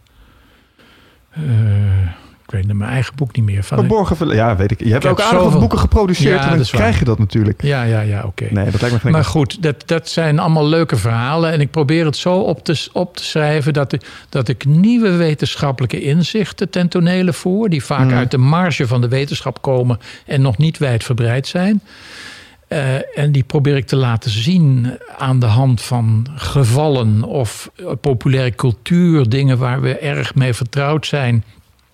Of dingen die we iedere dag op de televisie zien, eh, Berlusconi, Obama, dat soort van dingen. Ja. En dan laten zien dat er een laagje in zit wat je als leek niet meteen herkent. Ja, maar dat is ook een beetje de grap met dit soort dingen, denk ik. Want een aantal van de dingen die ik vandaag al heb gehoord... ehm, het is wel eens een beetje als met eh, dingen weten over eten. Hoe meer Ja, als je ja. weet, hoe meer Ja. je weet, hoe minder je zou willen dat je wist. Want je kan op een gegeven moment... Ja, het is alsof er een dun laagje vernis Ja. opgaat... en je ziet ineens, hé, maar dan het wordt hier gewoon... gaat weg. Ja. Ja. dat niet alleen. En daarmee merk je eigenlijk dat er... Wat je zelf net al zei, hè, met bijvoorbeeld eh, met betrekking tot... Het feit dat er mensen zijn geweest die functies hebben bekleed om affaires te organiseren voor, leider, eh, voor leidinggevenden. Dat betekent dat is niet iets van toen. Dat gebeurt nu gewoon ook. Ja. En de schone schijn wordt opgehouden. En we doen met z'n allen alsof het hele keurige staatsburgers zijn. Terwijl dat eigenlijk helemaal niet is. En hoe meer van dit soort dingen je hoort, hoe cynischer je soms Absoluut. wordt. En je zegt zelf, Dat is kan ook het helemaal geen- grote gevaar. Ja, is dat zo? Merk je dat bij jezelf? Bewaar, bewaar een beetje idealisme. Ja, ik word wel cynisch op mijn oude dag. Hmm. Ik denk, ik heb het allemaal al x keer voorbij zien komen. Ja. En in mijn idealistische tijd heb ik ook hele grote eh, eh, schuivers gemaakt. Dus dat is ook niet het recept, alleen maar idealistisch. Mhm. Met eh, sterretjes om je ogen achter iets aanlopen. Nee, dat begrijp ik. Dus enig cynisme geeft je, ik noem het fel realistisch. Ja, ik snap het. Nou, ja, ze zeggen ook wel eens, wat is eh, een pessimist? Dat is een optimist met levenservaring. Ja, precies. Nou, dat, dat is misschien een goede omschrijving voor mij. Zijn er nog dingen waar je dan wel oprecht optimistisch voor wordt, waar je echt naar uitkijkt in de toekomst? Ja, nou, ja, ik vind ieder nieuw project leuk om te doen. Eh, ik, vind, ik vind schrijven vind ik leuk. Vooral als je onvermoede kanten boven kunt krijgen Mm. die een laagje toevoegen. Eh, eh, dus ik, heb, ik ben bezig aan een plankje boeken te schrijven. En dat groeit gestaag. Ja, dat moet ook mooi zijn om te zien, stel ik me zo voor. Ja, maar aan de andere kant, als je realiseert hoeveel miljoenen boeken daar omheen zitten. Ja. En uit hoeveel honderden boeken ik het jat iedere keer. Dan, eh, ja, dan word je toch. Ik ben altijd heel blij om te horen dat mensen die al een heleboel boeken hebben geschreven, er hier gewoon ook open over zijn. Want ik voel me ook wel schuldig over het moment dat ik materiaal recycle of concepten aanhaal. Of ik denk, Ja. hey, dit is gewoon vet. Alleen hier ligt het accent. Ik zeg wel eens, eh, als ik een origineel idee zou hebben, dan ontploft mijn hoofd volgens Ja. mij. Dus ik vind het heel fijn om te horen. Dus eh, ik, heb, ik heb geleerd eh, ooit dat als je er keurig voetnoten bij zet, eh, dan, dan mag het. En als je één idee jat, dan is het plagiaat. mhm. Als je honderd ideeën citeert, is het literatuurstudie. ja, meta-onderzoek. Ja, Ja, ik zit in de meta-onderzoekhoek. ja zie je nou, dat, dat, is, dat is het precies. Dus ik haal van alles overhoop. Ehm, en probeer daar dan een, een alternatieve lijn doorheen te trekken. Liefst ook met een paar echt nieuwe inzichten uit. Nou, maar dat is volgens mij het belangrijke. Dat je wel iets toevoegt aan het reeds bestaande concept. Ja, Dus- absoluut. Oké, helder. Jaap, ik vond het helemaal top dat je er was. Leuk. Eh, bedankt voor je tijd hier. Eh, leuk gesprek inderdaad. Eh, ik wil onze luisteraars natuurlijk ook weer eventjes bedanken. Ehm, mocht je hier telkens weer dingen horen waarvan je dan denkt van... Ah, dit vind ik echt super cool. Laat het ons dan ook eventjes weten via hashtag, eh, hashtag eindbazen op Twitter of op Facebook. Eh, nou, jullie weten het inmiddels wel. Deze podcast werd ook mede mogelijk gemaakt door Nutrofit en Easier. Ehm, nou, nog even een shout-out naar Wichert, die weer op vakantie is. Dat doet hij beter als ik. Wichert, we missen je, jongen. Tot de volgende keer. Ehm, einde van deze podcast. Brian, cue the music. Altijd alles willen zeggen. Jongens, ciao.